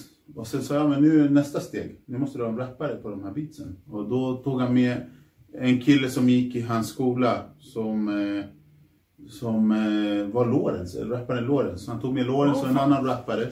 Pedofilen? Och, och, Nej, och vad heter det, Lorentz, Lorentz hade en storebrorsa då som rappade. Så jag gick en gång och kollade på när de uppträdde. Det var olika grupper som skulle uppträda på Café 44 och, eh, och då, var, då var det Lorentz storebrorsa och han rappade med Stor. De hade en grupp. De hette Vendetta och Charlie, producenten Charlie också. Så jag, jag såg dem uppträda, jag tyckte de var skitbra så här. Och Eh, Lorentz storebrorsa, är det han? Han hade en grupp, Lorentz, med någon annan? Zacharias. Är säker, det är inte hans brorsa?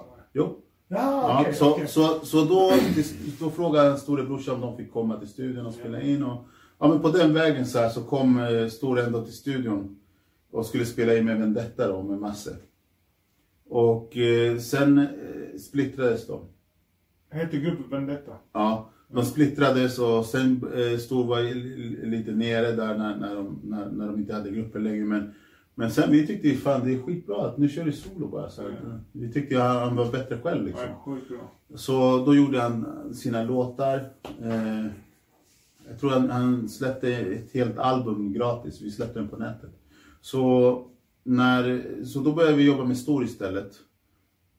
Och sen, ja men något år efter så tog han med Linda Pira någon gång. Gjorde ni den svartskalle? eller Vad fan är det? Ja, Svartskalle. Ja. Kör Svartskalle Kör- låten. Den är ju sjukt fet. Jag Ja. kommer ihåg... Jag kommer ihåg... Jag har minnen. Vi lyssnade på den. Jag kommer inte... Alltså varför skulle jag komma ihåg det? Men jag bara, bara fattat det i min hjärna. Eh, för jag kommer ihåg han var chilenare ju. Och han gjorde... Han gjorde... Den var ju... Jag vet inte, för mig var det liksom... Ett steg upp för hiphopen i Sverige. Ja. Den var så fet! Men det var så här lite trap-aktig och Ja. sen, eh, alltså han var ju typ den första som gjorde en sån trap-låt i Sverige antagligen alltså, men eh, nej men det började, alltså vi började jobba med alla de här grupperna, sen började eh, kom. Linda, Linda Pira.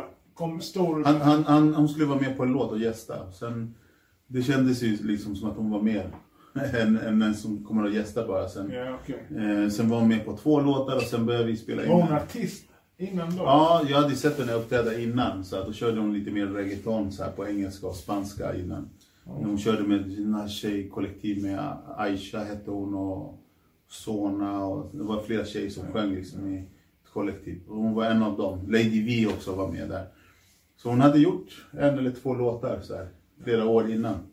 Så jag hade sett henne uppträda och allting. Men jag visste inte att hon rappade på svenska. Så när han tog med henne då, ja men då, just, just det, det är hon ju liksom. Och sen, sen körde vi bara på, spelade in jättemycket, jobbade hårt. Ja. Jag tror att, sen åkte vi till LA en gång till med det andra projektet med Mando Diao och spelade in en video. Och då följde Stor med.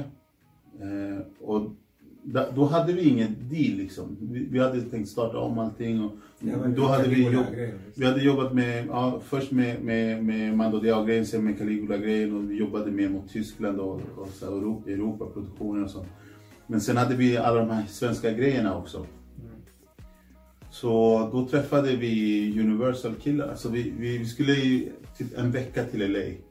Och vi skulle hyra ett hus där och vi skulle filma en video, det var planen. Men eh, innan det så hade jag planerat, liksom, kanske en månad innan, eh, kontaktat olika låtskrivare, olika människor som skulle vara på plats eh, under den perioden. Och då bjöd vi grillade en kväll, kommer du ihåg att vi grillade en kväll? Och då bjöd vi in så här, svenskar som jobbade i LA. Eh, och så hade vi en kille också där som hjälpte oss med, med att hitta alla rätt, eh, rätt klubbar och hela det, som hjälpte oss där. Så vi gick ju på olika klubbar och tog med folk, de här låtskrivarna, bjöd dem på fest. Vi blev själva bjudna på olika fester där och, och nätverkade mycket. Och sen eh, och så träffade vi de här Universal-människorna där. De tyckte vi väl att vi var driftiga för några av de här låtskrivarna jobbade med dem.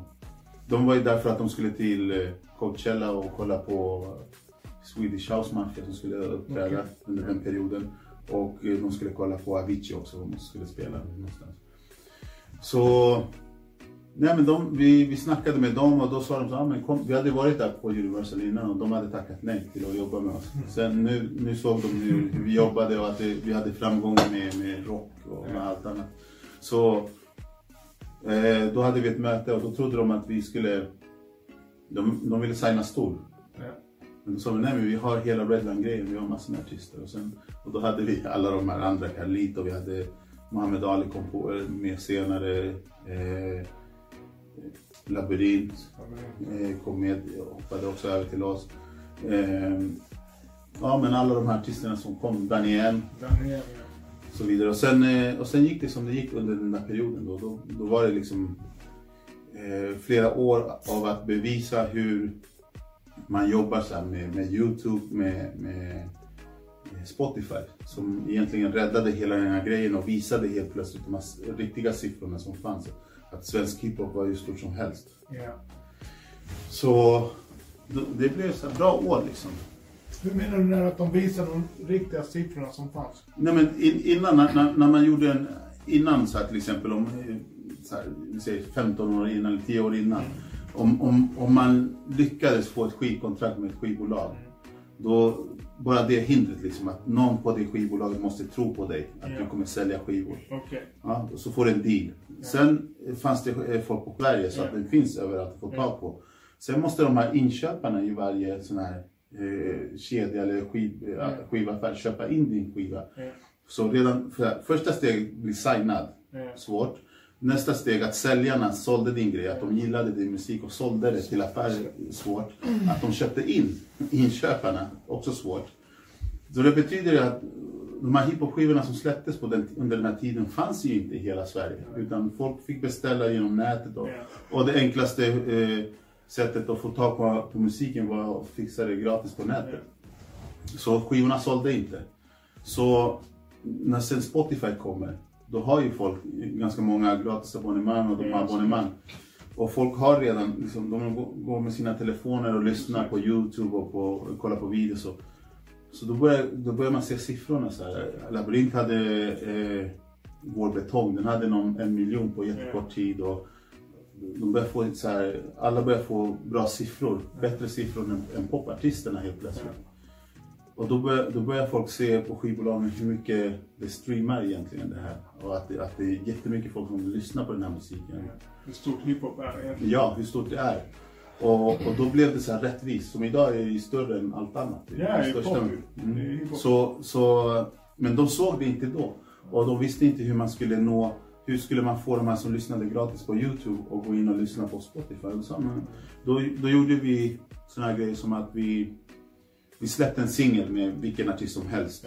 Och då la vi, eh, vi släppte inte bara en låt, vi släppte två låtar. Ja. Ena låten fick man på Youtube med video. Ja. Och sen fick man länkarna till liksom helheten på Ah. Spotify. Så man hänvisade folk. Vill du lyssna på mer material med den här artisten, gå in på Spotify. Där finns det en EP eller där finns det en låt till. Och, och då började de här lyssnarna hitta till Spotify också. Och, men där fanns allt svensk hiphop och så vidare. Och så vidare. Så, och då, då jobbade vi bara så här. Det, det, det var då vi, vi, vi tog bort det här records och då hette recordings inspelningar. För vi gjorde inga skivor, vi tillverkade inga skivor. Allting skulle vara digitalt bara. Finnas på nätet och vara lättillgängligt. Eh, Skulle man sprida det så var det enkelt med länkar och Ja, så Då körde vi stenhårt på det. Då fanns det massor med regler som man, man fick inte släppa på sommaren, sommarlovet till exempel. Vi sket i det, släppte och det gick hur bra som helst. Ungdomarna, lyssnarna fanns ju där hela tiden. Hade Spotify regler Nej, inte spot med skivbolagen. De tycker, då säljer man inte för att Ah. tidningarna är, på semester och de recenserar inte. Men nu börjar det bli så att ungdomarna, de läser ju inte de här tidningarna. Eh, Förstår du? De är ju bara på nätet. De läser inte papperstidningar. Och, så för dem spelar det ingen roll om det står en artikel eller om det är recenserat någonstans. För de, de lyssnar ju för att de ser någon annan sprida det eller för att vi postar det och så vidare. Så, så då förändrades allting. Vi hittade nya sätt så här, och vi, vi gjorde tvärtom. Att vi lanserade, eh, vi hade Röd November till exempel. Där vi släppte en, eh, varje fredag släppte vi en, en singel. Fyra singlar på en månad. Olika artister. Ja, och då trodde de också att det där inte skulle funka. Men det var ju tvärtom, det där funkar ju skitbra. Ja. Sen började vi, vi släppte någon EP också till eh, jul, julen också. Ja. Då sa de också, nej men då funkar det inte, det är ingen som lyssnar, alla lyssnar på julmusik. Men då tänkte vi, Ja, den alla släpper julmusik då. Eh, Släpper vi en hiphop-skiva då, då, det är klart att alla kommer lyssna på den. För alla sitter ju och väntar på att någonting nytt Mm. ska släppas. Och, och då sitter alla och tänker tvärtom, vi släpper ingenting. För att då är det bara julmusik. Och så kommer vår artist och det är enda artisten som, som släpper Wow. en hiphop-skiva. Förstår du? Så vi utnyttjade alla de här grejerna tvärtom. Så här. Vi trodde ju på att de grejen, produkterna vi hade, eller artisterna, att de var så starka så det är klart att folk kommer vilja lyssna på det.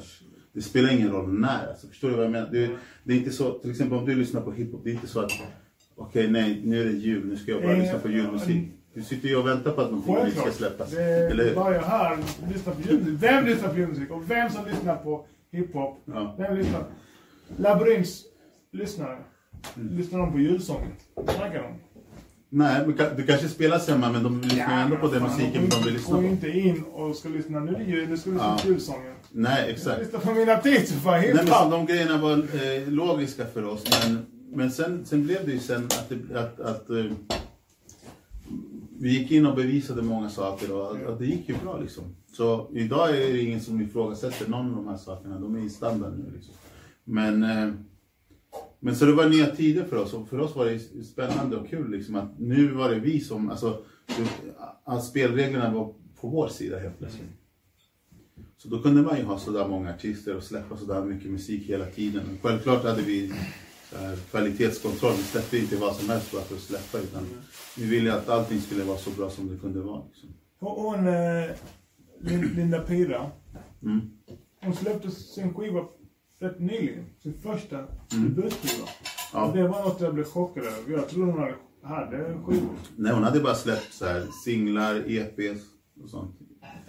Så nej, det var hennes debut. Nu, nu för tiden släpper man ju inte eh, skivor egentligen, Nej. album. Nej. För att det, folk lyssnar inte på alla låtar. Folk är intresserade bara av singlar så här. Låtar. Nämnde hon, jag kan inte säga hennes namn, Emanuela. Eman- Eminella. Eminella. Mm. Hon, har hon är rätt stor nu. Mm. Och hon släppte en skiva. Ja, hon släppte också någon... För Redline. eller? Nej. Alltså nu jobbar vi inte sådär med... Alltså vi producerar ju olika artister nu, men alla de, är, alla de som vi jobbade med innan är signade till olika skivbolag istället nu. Så, så nu blir det, för oss blir det enklare, nu kan vi gå tillbaka till att fokusera på producerandet liksom. Så det blir en ny fas för oss. Så nu sitter vi igen med det här med att man sitter med låtskrivare istället och försöker pitcha låtar utomlands istället. Eller vad man ska, eh, låtidéer till artister i Sverige och så vidare. Då jobbar man, man med det kreativa istället för att jobba med skivbolagsdelen. Idag behövs det ju inte. Idag är det så stort så att eh, folk lägger ut sina låtar själva. Så då behövs, på, när vi omstartade Redline på den tiden, då var det ju för att de här artisterna fick ju ingen push och produktioner och hela den grejen. Idag finns det ju många producenter, labels, folk som lägger ut musik själva. Och Det finns ju många eh, såna här tjänster och appar där man kan lägga upp sin musik och Ja. få distribution. Så, så skivbolagen behövs ju inte så, mycket som förut. Så att eh, det, allting har blivit mycket enklare. Har de det tufft, artisterna nu? Corona. Ja, de, har ju de som spelar mycket har det tufft. Jag vet, jag, jag, alltså, jag vet inte sådär, men det känns som många artister överlever på eh, spelningar. Mm. Att de var ute och spelar, de har hela året bokat liksom. Ja. Jag känner ju en del art- art- artister Ja. som har det sjukt tufft. Alltså de Ja. har ingenting längre. Nej men då blir det ju så att man får göra, ge ut mycket musik istället. Så här, och ge ut singlar och, och lå, eh, musik som streamar mycket Som istället. streamas. Så får man pengar från Spotify. Ja. Så att det gäller att liksom att, visst man är kanske inte ute och spelar hela tiden men då får man gå in i studion istället och lägga ner tiden där. Om man får en miljon streams på Spotify, kan man leva på det? Nej. Man måste ju få miljonstreams egentligen men man måste få det med många låtar. Så man måste ut, alltså vara aktiv och producera, eller Exakt. lägga ut mycket. Ja, lägga ut material så att det tickar hela tiden. Folk lyssnar ju, det är inte så att låtarna heller spelar under en viss period. Det, det är klart att de spelar mer när den kommer ut och när den är ny men vissa låtar har ju lång livslängd beroende på hur bra det är. Eller, Ja. så att, eh, nej, det, gäller, det gäller att ha katalog liksom, eller ha mycket material ute. De här nya artisterna. Det finns, alltså, jag tänker på One Curse, Mm. Einar, heter han De Crasso, när fan heter han? Greekazo, ja. Grecasso. Sen någon mer i den. Ja, det är de jag kan. Nej, men det finns ju många som helst. Det finns ju Ja. många nya artister som helst nu. Det kommer ju nya varje vecka liksom. Kommer, dyker det nya namn upp. För de här tre som jag nämnde. Mm. De har ändå gått bra för er. Ja, Tror- tror Och min, min eh, teori är att det går bra för dem för att de pushar ut mycket content. Och inte bara låtar utan bara tar kameran och alltså på Instagram och rappar. Mm. Nej, men det, det, är, det är för att de är duktiga. Så dels, dels är de duktiga på att marknadsföra sig själva. Så det Ja. jag tror att många idag tror att saker och ting händer av sig självt. Men det ligger ju för alla egentligen någonting. Det, det ligger ju mycket arbete bakom. Som fan alltså. Så, och sen är de också i den eh, åldern också. Så, som till, alltså de, många av de som lyssnar idag eh, på Spotify, de som lyssnar mest på musik, i den åldern som de är i. Så det, är deras, det är som när vi släppte vår första skiva. Ja. Då var vi så här Ja. 18-19 år. Och då tilltalar ju de grejerna vi sa, tilltalar ju folk som var Ja. i den åldern också. Och som gick på spelningarna, klubbarna, konserterna och allt det där. Så, så det, är, det är samma sak egentligen. Det händer ju hela tiden. Sen att det finns ju eh, alltid folk som klagar eller ska säga att allting var bättre förr. Men jag tror inte att det är så. För att det är samma sak som när vi lyssnade på, på den tiden på NWA till exempel. Då tyckte vi ah, gangsterrap och hit och det, att det var fel. Varför ska man lyssna på det? Men, men, men jag menar, eh, NWA fanns och så fanns det massor med andra rappare också. Klart. Och, och så är det nu för tiden också. Ja. Så att man kan ju inte tvinga folk att lyssna på någonting som de inte tycker om. Eller, de tycker ju om den grejen men de lyssnar ju på annan musik också. Så att det är alltid så. Sen det är klart det upprör ju så föräldrar och de som är äldre som inte fattar sig. Om du förstår sig kommer, på. om det kommer en artist till dig som är duktig. Mm. Har du några, har du några betänkligheter överhuvudtaget om vad de rappar om? Jag tänker, folk rappar om tram. Jag hörde någon, eh, någon eh, eh, line på radio. "Ja, Hon är 10 av 10 som en karta tram eller något sånt. Mm. Har, har, har du några betänkligheter om det? Nej, alltså jag tänker mer så här att musik är ju underhållning. Så, så länge folk eh, förstår den grejen så är det så. Men samtidigt, det är klart, eh, jag tror att alla, alla som jobbar med musik väljer ju vad man vill jobba med också.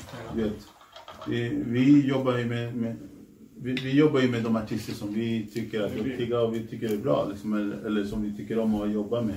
Som är roliga att, att ha att göra med. Mm. Det, det är inte svårare än så liksom. Så eh, jag tycker att det, det är så man ska tänka alltid. Man ska jobba med de grejerna man tror, tror på. Hur hittar ni artister? Kommer de till er eller letar ni själv? Det är olika. Så det, Har du kontakt med artist någon gång?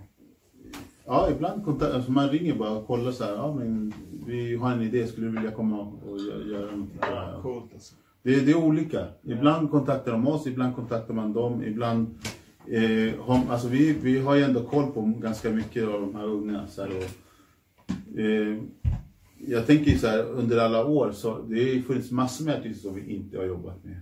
Och, och det är för att, det är inte att man inte gillar dem eller inte gillar deras musik. Det är mer för att det, de gör, ibland gör de ju någonting som inte vi gör. Så, så att, eh, mm, och, och man tycker att de, de är duktiga på det de gör själva. De har ju sina producenter, sitt sound. Så vi har ingenting att bidra med där. Förstår du? Så att eh, man kan inte jobba med alla eller med, med vem som helst bara för att man gör musik. Utan man, man väljer ju de, de, gre- de grejerna man tycker om. Jag ska köra en, en sista fråga innan vi går loss på riktigt. Som back in the days. Salud. Saludos. Saludos. Och detta är, vet du det? Eh, om, du, om du skulle ge en råd.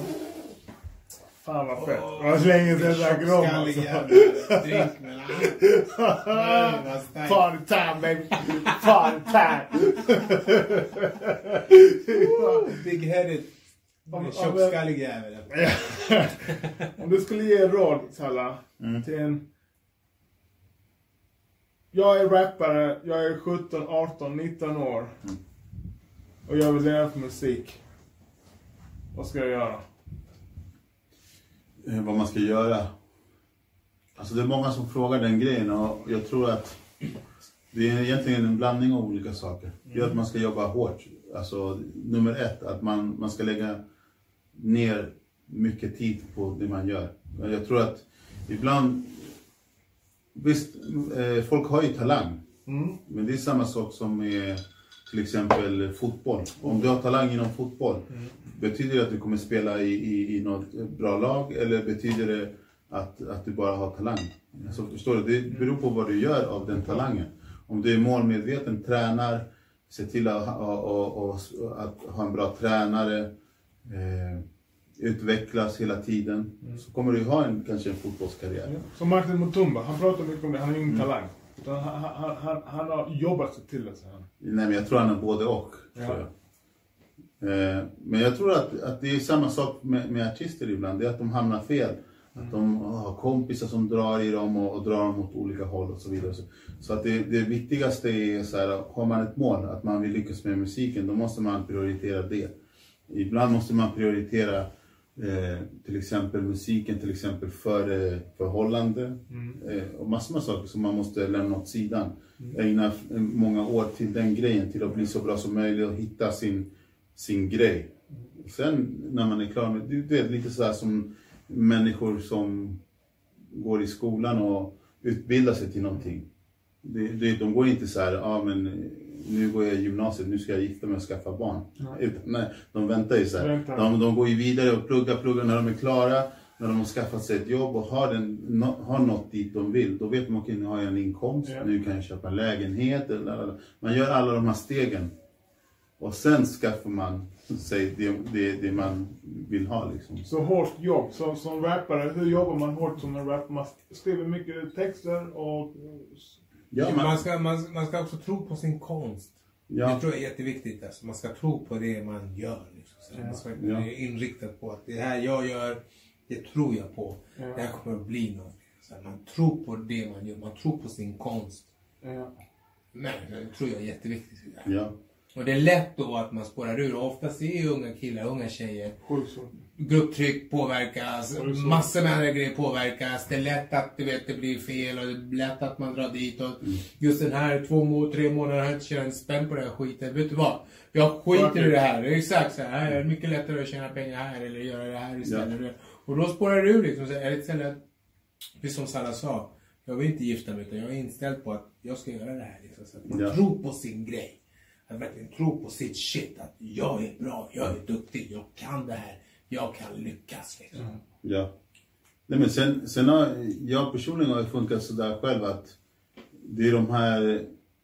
Eh, ingenting har egentligen kommit lätt utan det har hela tiden varit motgångar. Saker och ting har inte gått som det ska. Eh, som har gått åt helvete för det mesta. Och som har gjort att man, man får så okej. antingen ger man upp eller så jobbar man ännu hårdare och försöker hitta en väg, hit- hitta nya kontakter, nya människor och så vidare. Och så vidare så man, att man kan göra det man vill hålla på med. Så att det är hela tiden Som ni gjorde. Ja, men det är hela tiden en utveckling. Det har, det har inte hänt för oss en gång eller två eller tre. Det har hänt hela tiden. Alltså. Ja. Det händer hela tiden, eh, den här grejen. Och, och man, man får motgångar, att saker och ting inte går så där snabbt som man vill. Eh, men det är där man lär sig. Alltså man, det finns ing- inget annat sätt att, att lära sig än, än att, genom att göra. Och sen, eh, jag tror att ibland så vill folk, eh, du vet, de har, många skickar ju så här demos. De har gjort två, två första låtarna. Ja. Och så tror de att det här är det bästa någonsin och det borde signas och det ena och andra. Men det är inte så. Alltså, det är som för oss. Alltså, man gjorde massor med låtar, man uppträdde i flera år. Eh, Man, man jobbar sig upp till att, någon, att man får de här möjligheterna och chanserna. Det tar ju jättelång tid. Även om vi var jätteunga när, när, när vi släppte vår första skiva så hade vi massor med år innan då vi hade uppträtt och inte fick pengar, inte fick någonting. Man jobbar sig upp från att vara de sämsta till att, till att bli den som är bäst. Liksom. Från var den som börjar Ja. showen till den som Till den slutar. som stänger, ja. stänger ja. Så att det, det, och det är det man måste ha i, i, hela tiden. Så här. Man måste ha den drivkraften. Och sen också, jag, jag gjorde ju medvetet för mig själv, jag stängde ju alla dörrar och möjligheter. Så jag hade bara en utgång. Ja, jag, så Du brände alla broar. Nej, inte brände broar, men däremot men så... här, Nej, men jag, jag hoppade av eh, skolan till Ja. exempel och då tänkte jag så här, jag har ju ingen annan utväg. Men, men samtidigt när jag hoppade av skolan så var jag inte lat. Jag, jag såg till att jag hade en praktikplats. Så jag gick varje dag och jobbade. Jag gick upp klockan sex, gick och jobbade. Efter jobbet gick jag till studion. Och då spelade jag in till jättesent och, och så höll man på de tiderna man fick, de chanserna man fick, de tog man. Och sen byggde man ju på. Man bygger ju hela tiden någonting. Och sen till slut är det, okej vad är nästa steg? Okej nu får vi pengar. Okej vad ska jag göra med de här pengarna? Eh, om man investerar dem så, så att jag inte behöver åka till en studio. Så jag har en liten eh, studio hemma. Och så vidare. Så börjar- Återinvesterar i din Exakt. karriär. Ja, och sen att man har mål hela tiden. Delmål och mål. Eh, och sen bygger man på hela tiden. Och till slut efter flera år har man ju gjort alla de här sakerna. Man har erfarenhet, man har gjort musik och man gör det varje dag. Då, då är det klart att, att det inte är lika svårt som det var i början. Att man gör massor med låtar som inte är bra. Utan i, man lär sig, man vet exakt vad man ska göra. Man, man vet så här, okej, jag ska göra någonting annorlunda. Eller man, man kan göra saker som är nya eller som inte andra gör. Man börjar tänka i andra banor och man utmanar sig själv att eh, Ska man skriva en text, ska man rimma de här grejerna? Det här, det här är första grejerna jag kommer på. Eh, ja, är det bra? Eller, eller ska man gå tillbaks och jobba mer på det och göra det eh, till någonting som inte var det första man tänkte på utan man, man försvårar, drar, drar upp så här svårighetsgraden hela tiden och utvecklas och, och försöker göra det bättre. Och det är de grejerna man måste tänka på. Det är då det blir kul. Har, har det varit en ångestfylld resa? Nej, aldrig. Aldrig. alltså, jag, jag, jag, kan säga så här att eh, jag är fett så här, tacksam och glad för det livet och de möjligheterna jag har haft. Att jag har haft mina föräldrar som, som har ändå backat upp mig och så här, ändå sagt okej, gör det, men då måste du göra det på riktigt. Liksom. Och då, då har jag, jag, har, jag har alltid haft en känsla så att mina föräldrar de kom hit med oss till Sverige för att vi skulle ha en bättre framtid. Och då vill jag visa dem att jag inte skiter i det. Utan att jag, jag har ändå så här respekt för min, eh, speciellt med min mamma så här, att jag vill visa henne att jag, nej, men jag anstränger mig. Anstränger Jag, hon, hon, jag vill inte att hon ska känna att jag är en lat person som skiter i allt och som bara sket i det, i, i, i det, det man kunde göra och inte gjorde det. Utan att hon, hon vet att man jobbar hårt på det. Så det är kul så här. Eh, ibland när min mamma ringer mig, så, då är jag på jobbet. Hon vet att jag alltid, ja du jobbar, ja du jobbar, ja okej, just det. Att hon fattar att man jobbar mycket, så här, man gör det hela tiden. Och så när man inte jobbar då är man med ungarna. Så, så det, man, man gör alltid, man är inte så här. Vad gör du nu? Nej, ingenting. Så här, chilla. du förstår det? Så. Ja, och det måste ju komma, och, och för oss blir det ju att den här eh, disciplinen måste ju komma från en själv. Det är, inte, det är ingen som säger till mig så här, jag har in- ingen anställning där någon säger till mig, du måste jobba de här timmarna. Utan jag, Men det, är, det är jättesvårt för jättemånga människor. Hur, Ja. vad, vad, hur klarar du av det? Nej men jag, kolla jag är själv en, jag är en person, jag är slarvig, jag, jag är massor med saker. Jag, jag skulle också kunna vara lat och skita i saker och ting. Eh, inte göra saker, men jag kämpar med det varje dag. Alltså jag tänker på varje dag. Eh, jag lämnar alltid saker till en annan dag. Och jag, och jag försöker, jag kämpar med det varje vecka och varje dag. Att okej, nu ska jag eh, beta av alla de här grejerna. Så jag inte har en stress. Jag jobbar med att inte vara stressad på, av Ja. saker och ting. Du får saker och ting gjort. Ja, få gjort, få gjort. Det är så här hela Skriver en tiden. lista, skriver du en lista? Har du en lista? Ibland har jag listor, jag har listor på vissa saker. Eh, Jag har alltid så här, jag har en bok i studion, jag har papper. Eh, ibland går jag till studion och sen tänker jag så här, jag säger till mig okej kolla, det här har vi gjort. Alla de här lapparna, Ja. idéerna, grejerna, skisserna som finns. Vi har gjort dem. Så jag, jag slänger dem. Jag slänger de lapparna.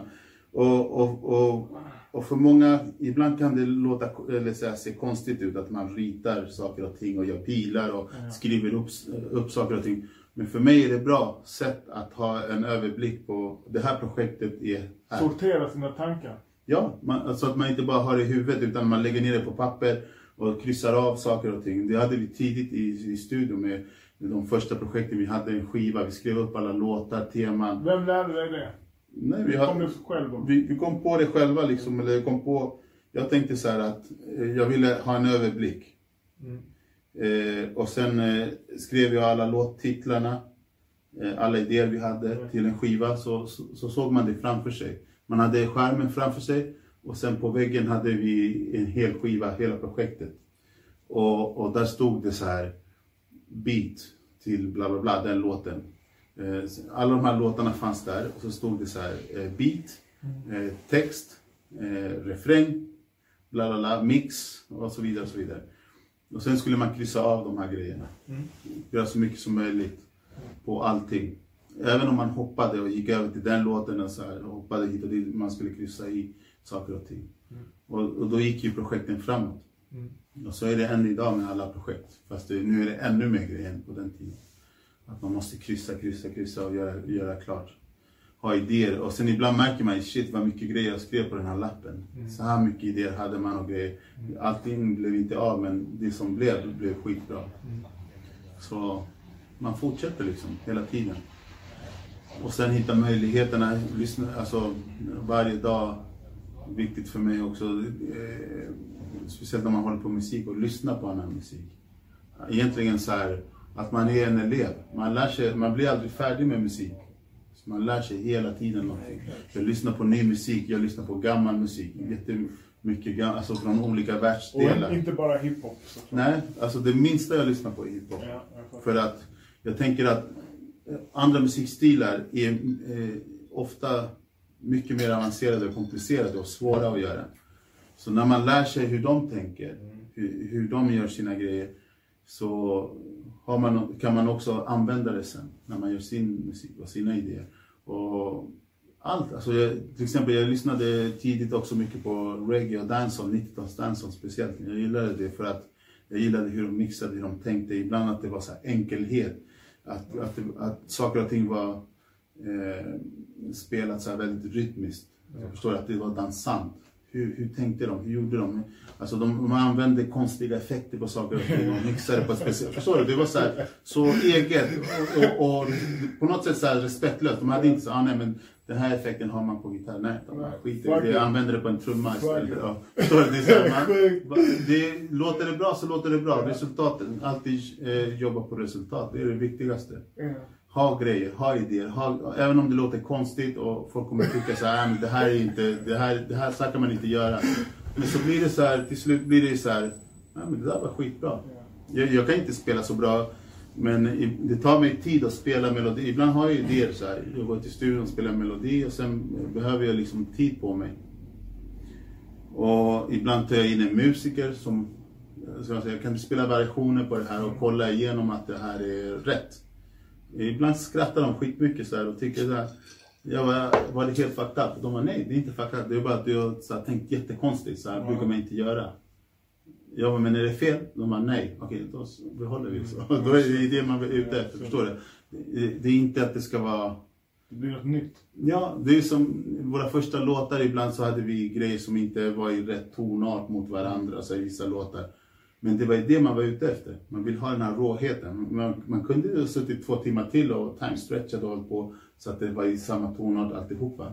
Men det var inte det man var ute efter. Man ville ha det här råa så att det skulle liksom skära sig lite. Inte så mycket, men eh, att man skulle fatta liksom, okej det här är rå musik. Liksom. Det, det är inte någon det är inte fint. Och ibland gör man tvärtom, att allting är stämt, till och med trummorna. Man kollar så att det är rätt tonart, allting i, i rätt tonart och att allting stämmer med, med, med helheten.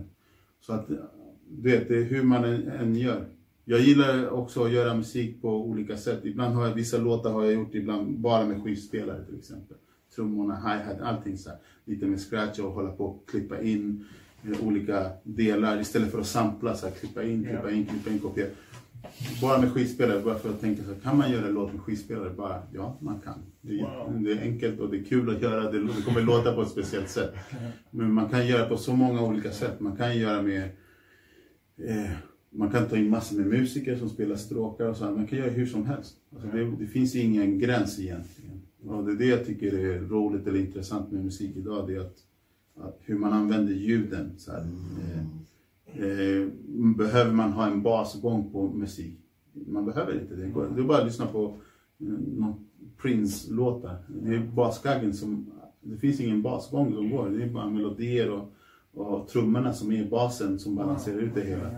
Så det finns massor med artister eller producenter eller eh, eh, folk som tänker sådär. Liksom, att hur, eh, man kan göra musik på så många olika sätt och det är det jag lyssnar efter och letar efter hela tiden. Annan gammal musik speciellt där, där folk har bara verkligen tänkt att de ska experimentera och leka i studion. Mm. Så att man använder de idéerna som folk har. Mm.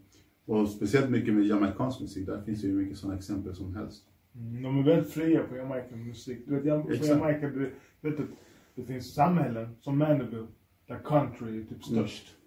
Mm. Där kommer du höra, du hör country överallt. Countrymusik! I Jamaica? Ja, ja. Ja. Och de älskar rock.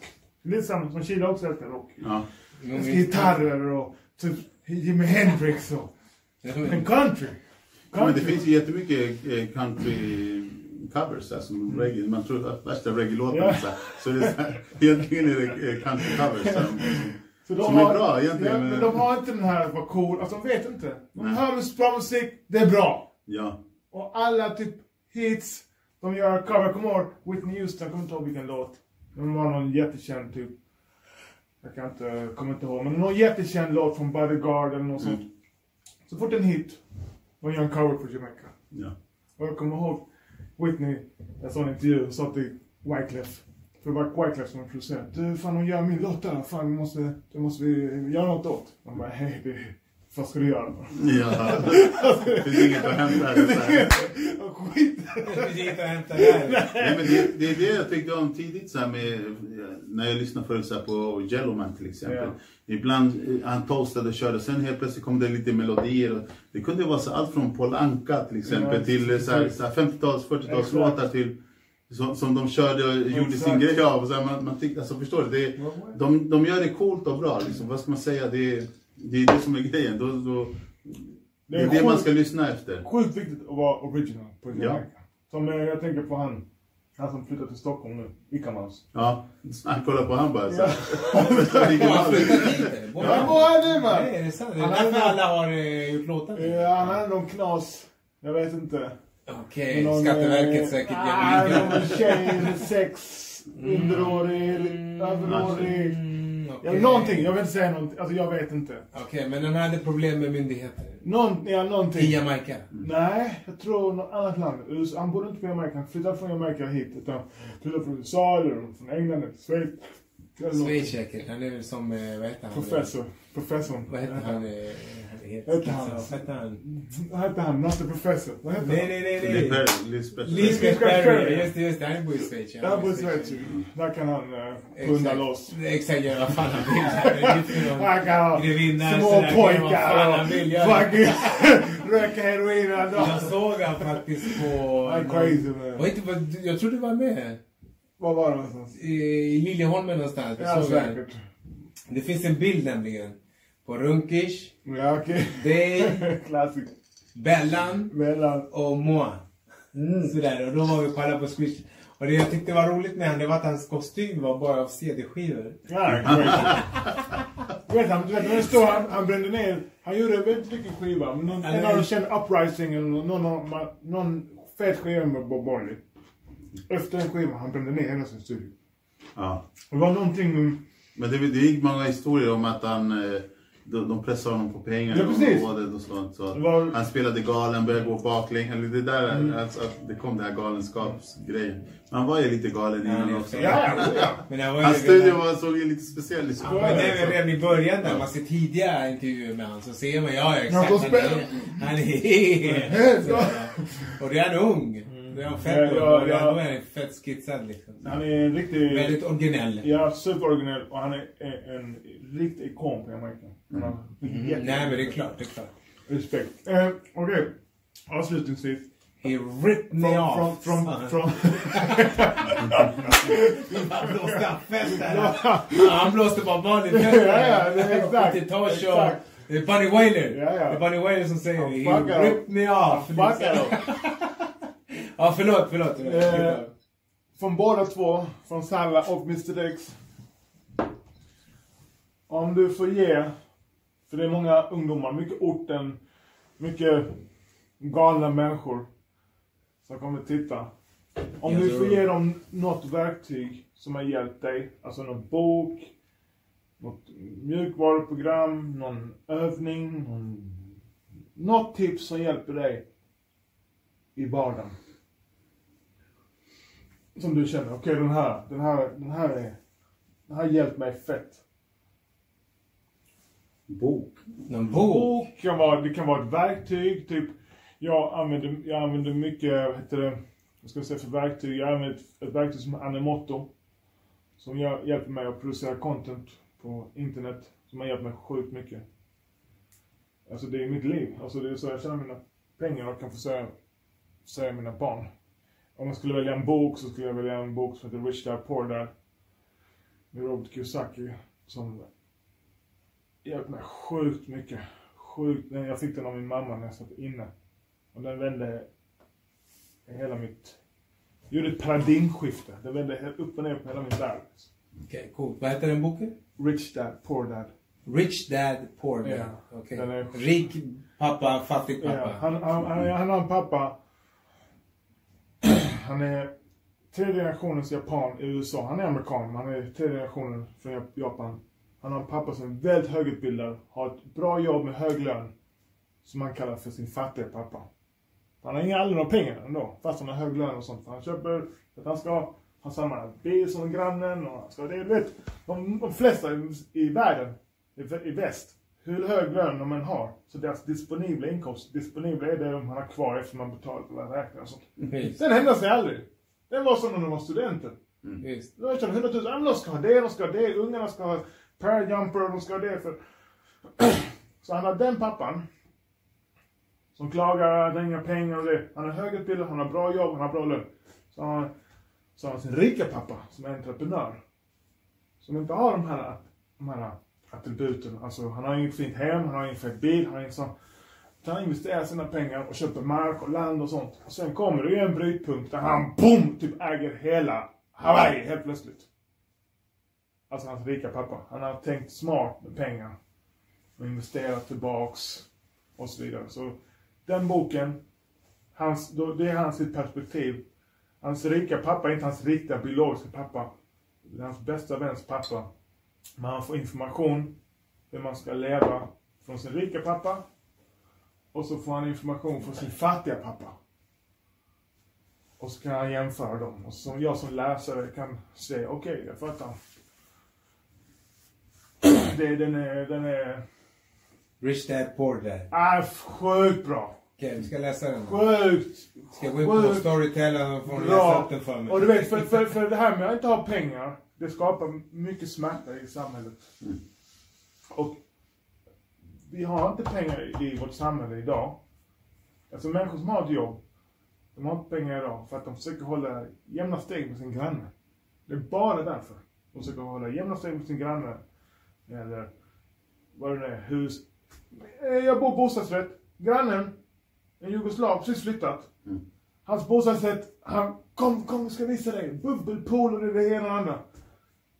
Nu har han sålt den, flyttar in en ny, ny person. Vad gör den nya personen? Riv hela skiten. Allt! Allt! Alltså jag menar inte, trösklar, Bubblepool, Ja, exakt. alltså tapet, det är betong. Allt är borta. Självklart. Han, räntan är låg. Han lägger ett par hundratusen till extra på sitt lån.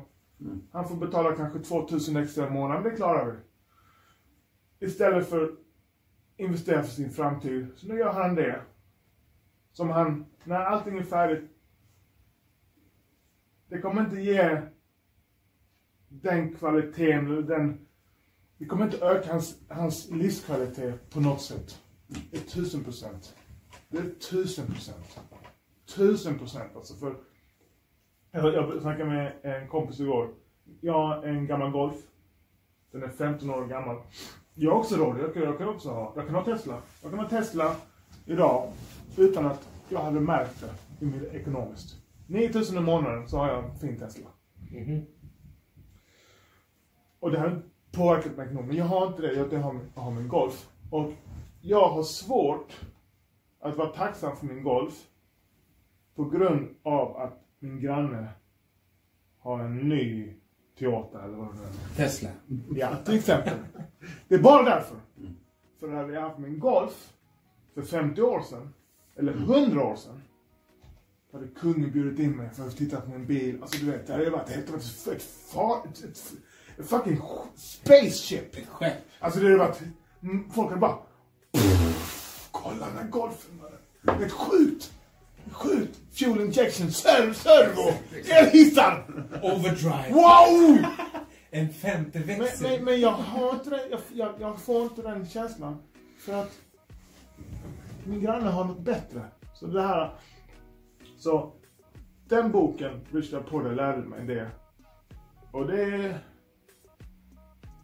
Det, det, det tar för lång tid att förklara Ja. hela boken, men det... Men jag fattar, vet, vet du vad, Vad skulle du- Jag, jag kan säga så här. Jag, jag, jag, jag är jättetacksam att jag har just min mamma för att hon, Bra. hon, hon har visat, hon har, hon har sagt olika saker som man inte fattade när man var så här ung, när man var liten. Hon sa återupprepade olika saker. Ja.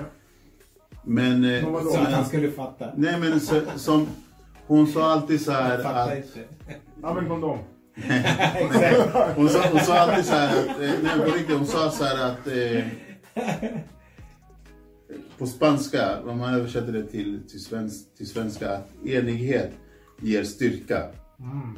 Och det är någonting som vi alltid har använt liksom. Så man tar sig fram. Det är inte så här att jag tror att jag själv ska göra saker och ting. Jag har, gjort allting, jag, jag, jag har inte gjort allting själv utan det har alltid varit massor med människor inblandade. Man har ett team av människor.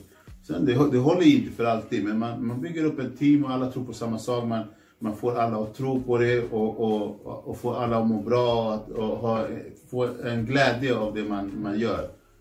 Och sen, och sen eh, lyckas man med i stort sett alla grejer man vill göra. Och det är jätteviktigt så här, till exempel att jag har eh, redan från tidig käppelse med massor med mina syskon så här, att man, att man eh, jobbade som ett team. Även min syster förut när vi var små, när vi uppträdde när vi var små. Att vi var ett team liksom.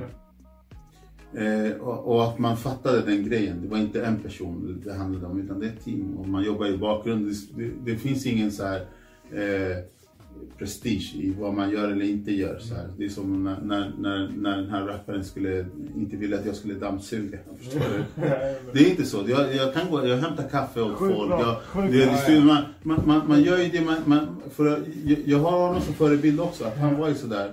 Och det var ju det man tyckte om. Så att han uppskattade saker och ting. Och, och det, så ena grejen är det, att man, att man har ett team av människor. Idag är det tvärtom, att många så här snackar väldigt mycket i sociala medier om att vara self-made. Att de har gjort sig själva till någonting. Och det är väldigt få människor som har varit själva, som inte har en sambo eller en fru eller en flickvän eller en mamma eller en pappa eller syskon eller kompisar som har hjälpt med saker och ting. Och just vi, vi har ju massor med saker. Det är som Krippe berättade historien om Saturn och hade vi inte haft Krippe då hade vi inte gjort Saturn och grejer. Det, det, om man inte har alla de här människorna och alla man har samarbetar och, och, och att man hjälper varandra, lyfter varandra i olika saker och ting. Då har man ju ingenting. Liksom. Man, man kommer ju inte dit man ska. Och, och, och sen också att man har jävligt roligt också. Eh, så där är num- eh, grej nummer två, att man har jävligt roligt, uppskattar de här grejerna. Det, det handlade inte om hur mycket pengar vi Exakt. tjänade eller vad vi gjorde. Vi gjorde grejer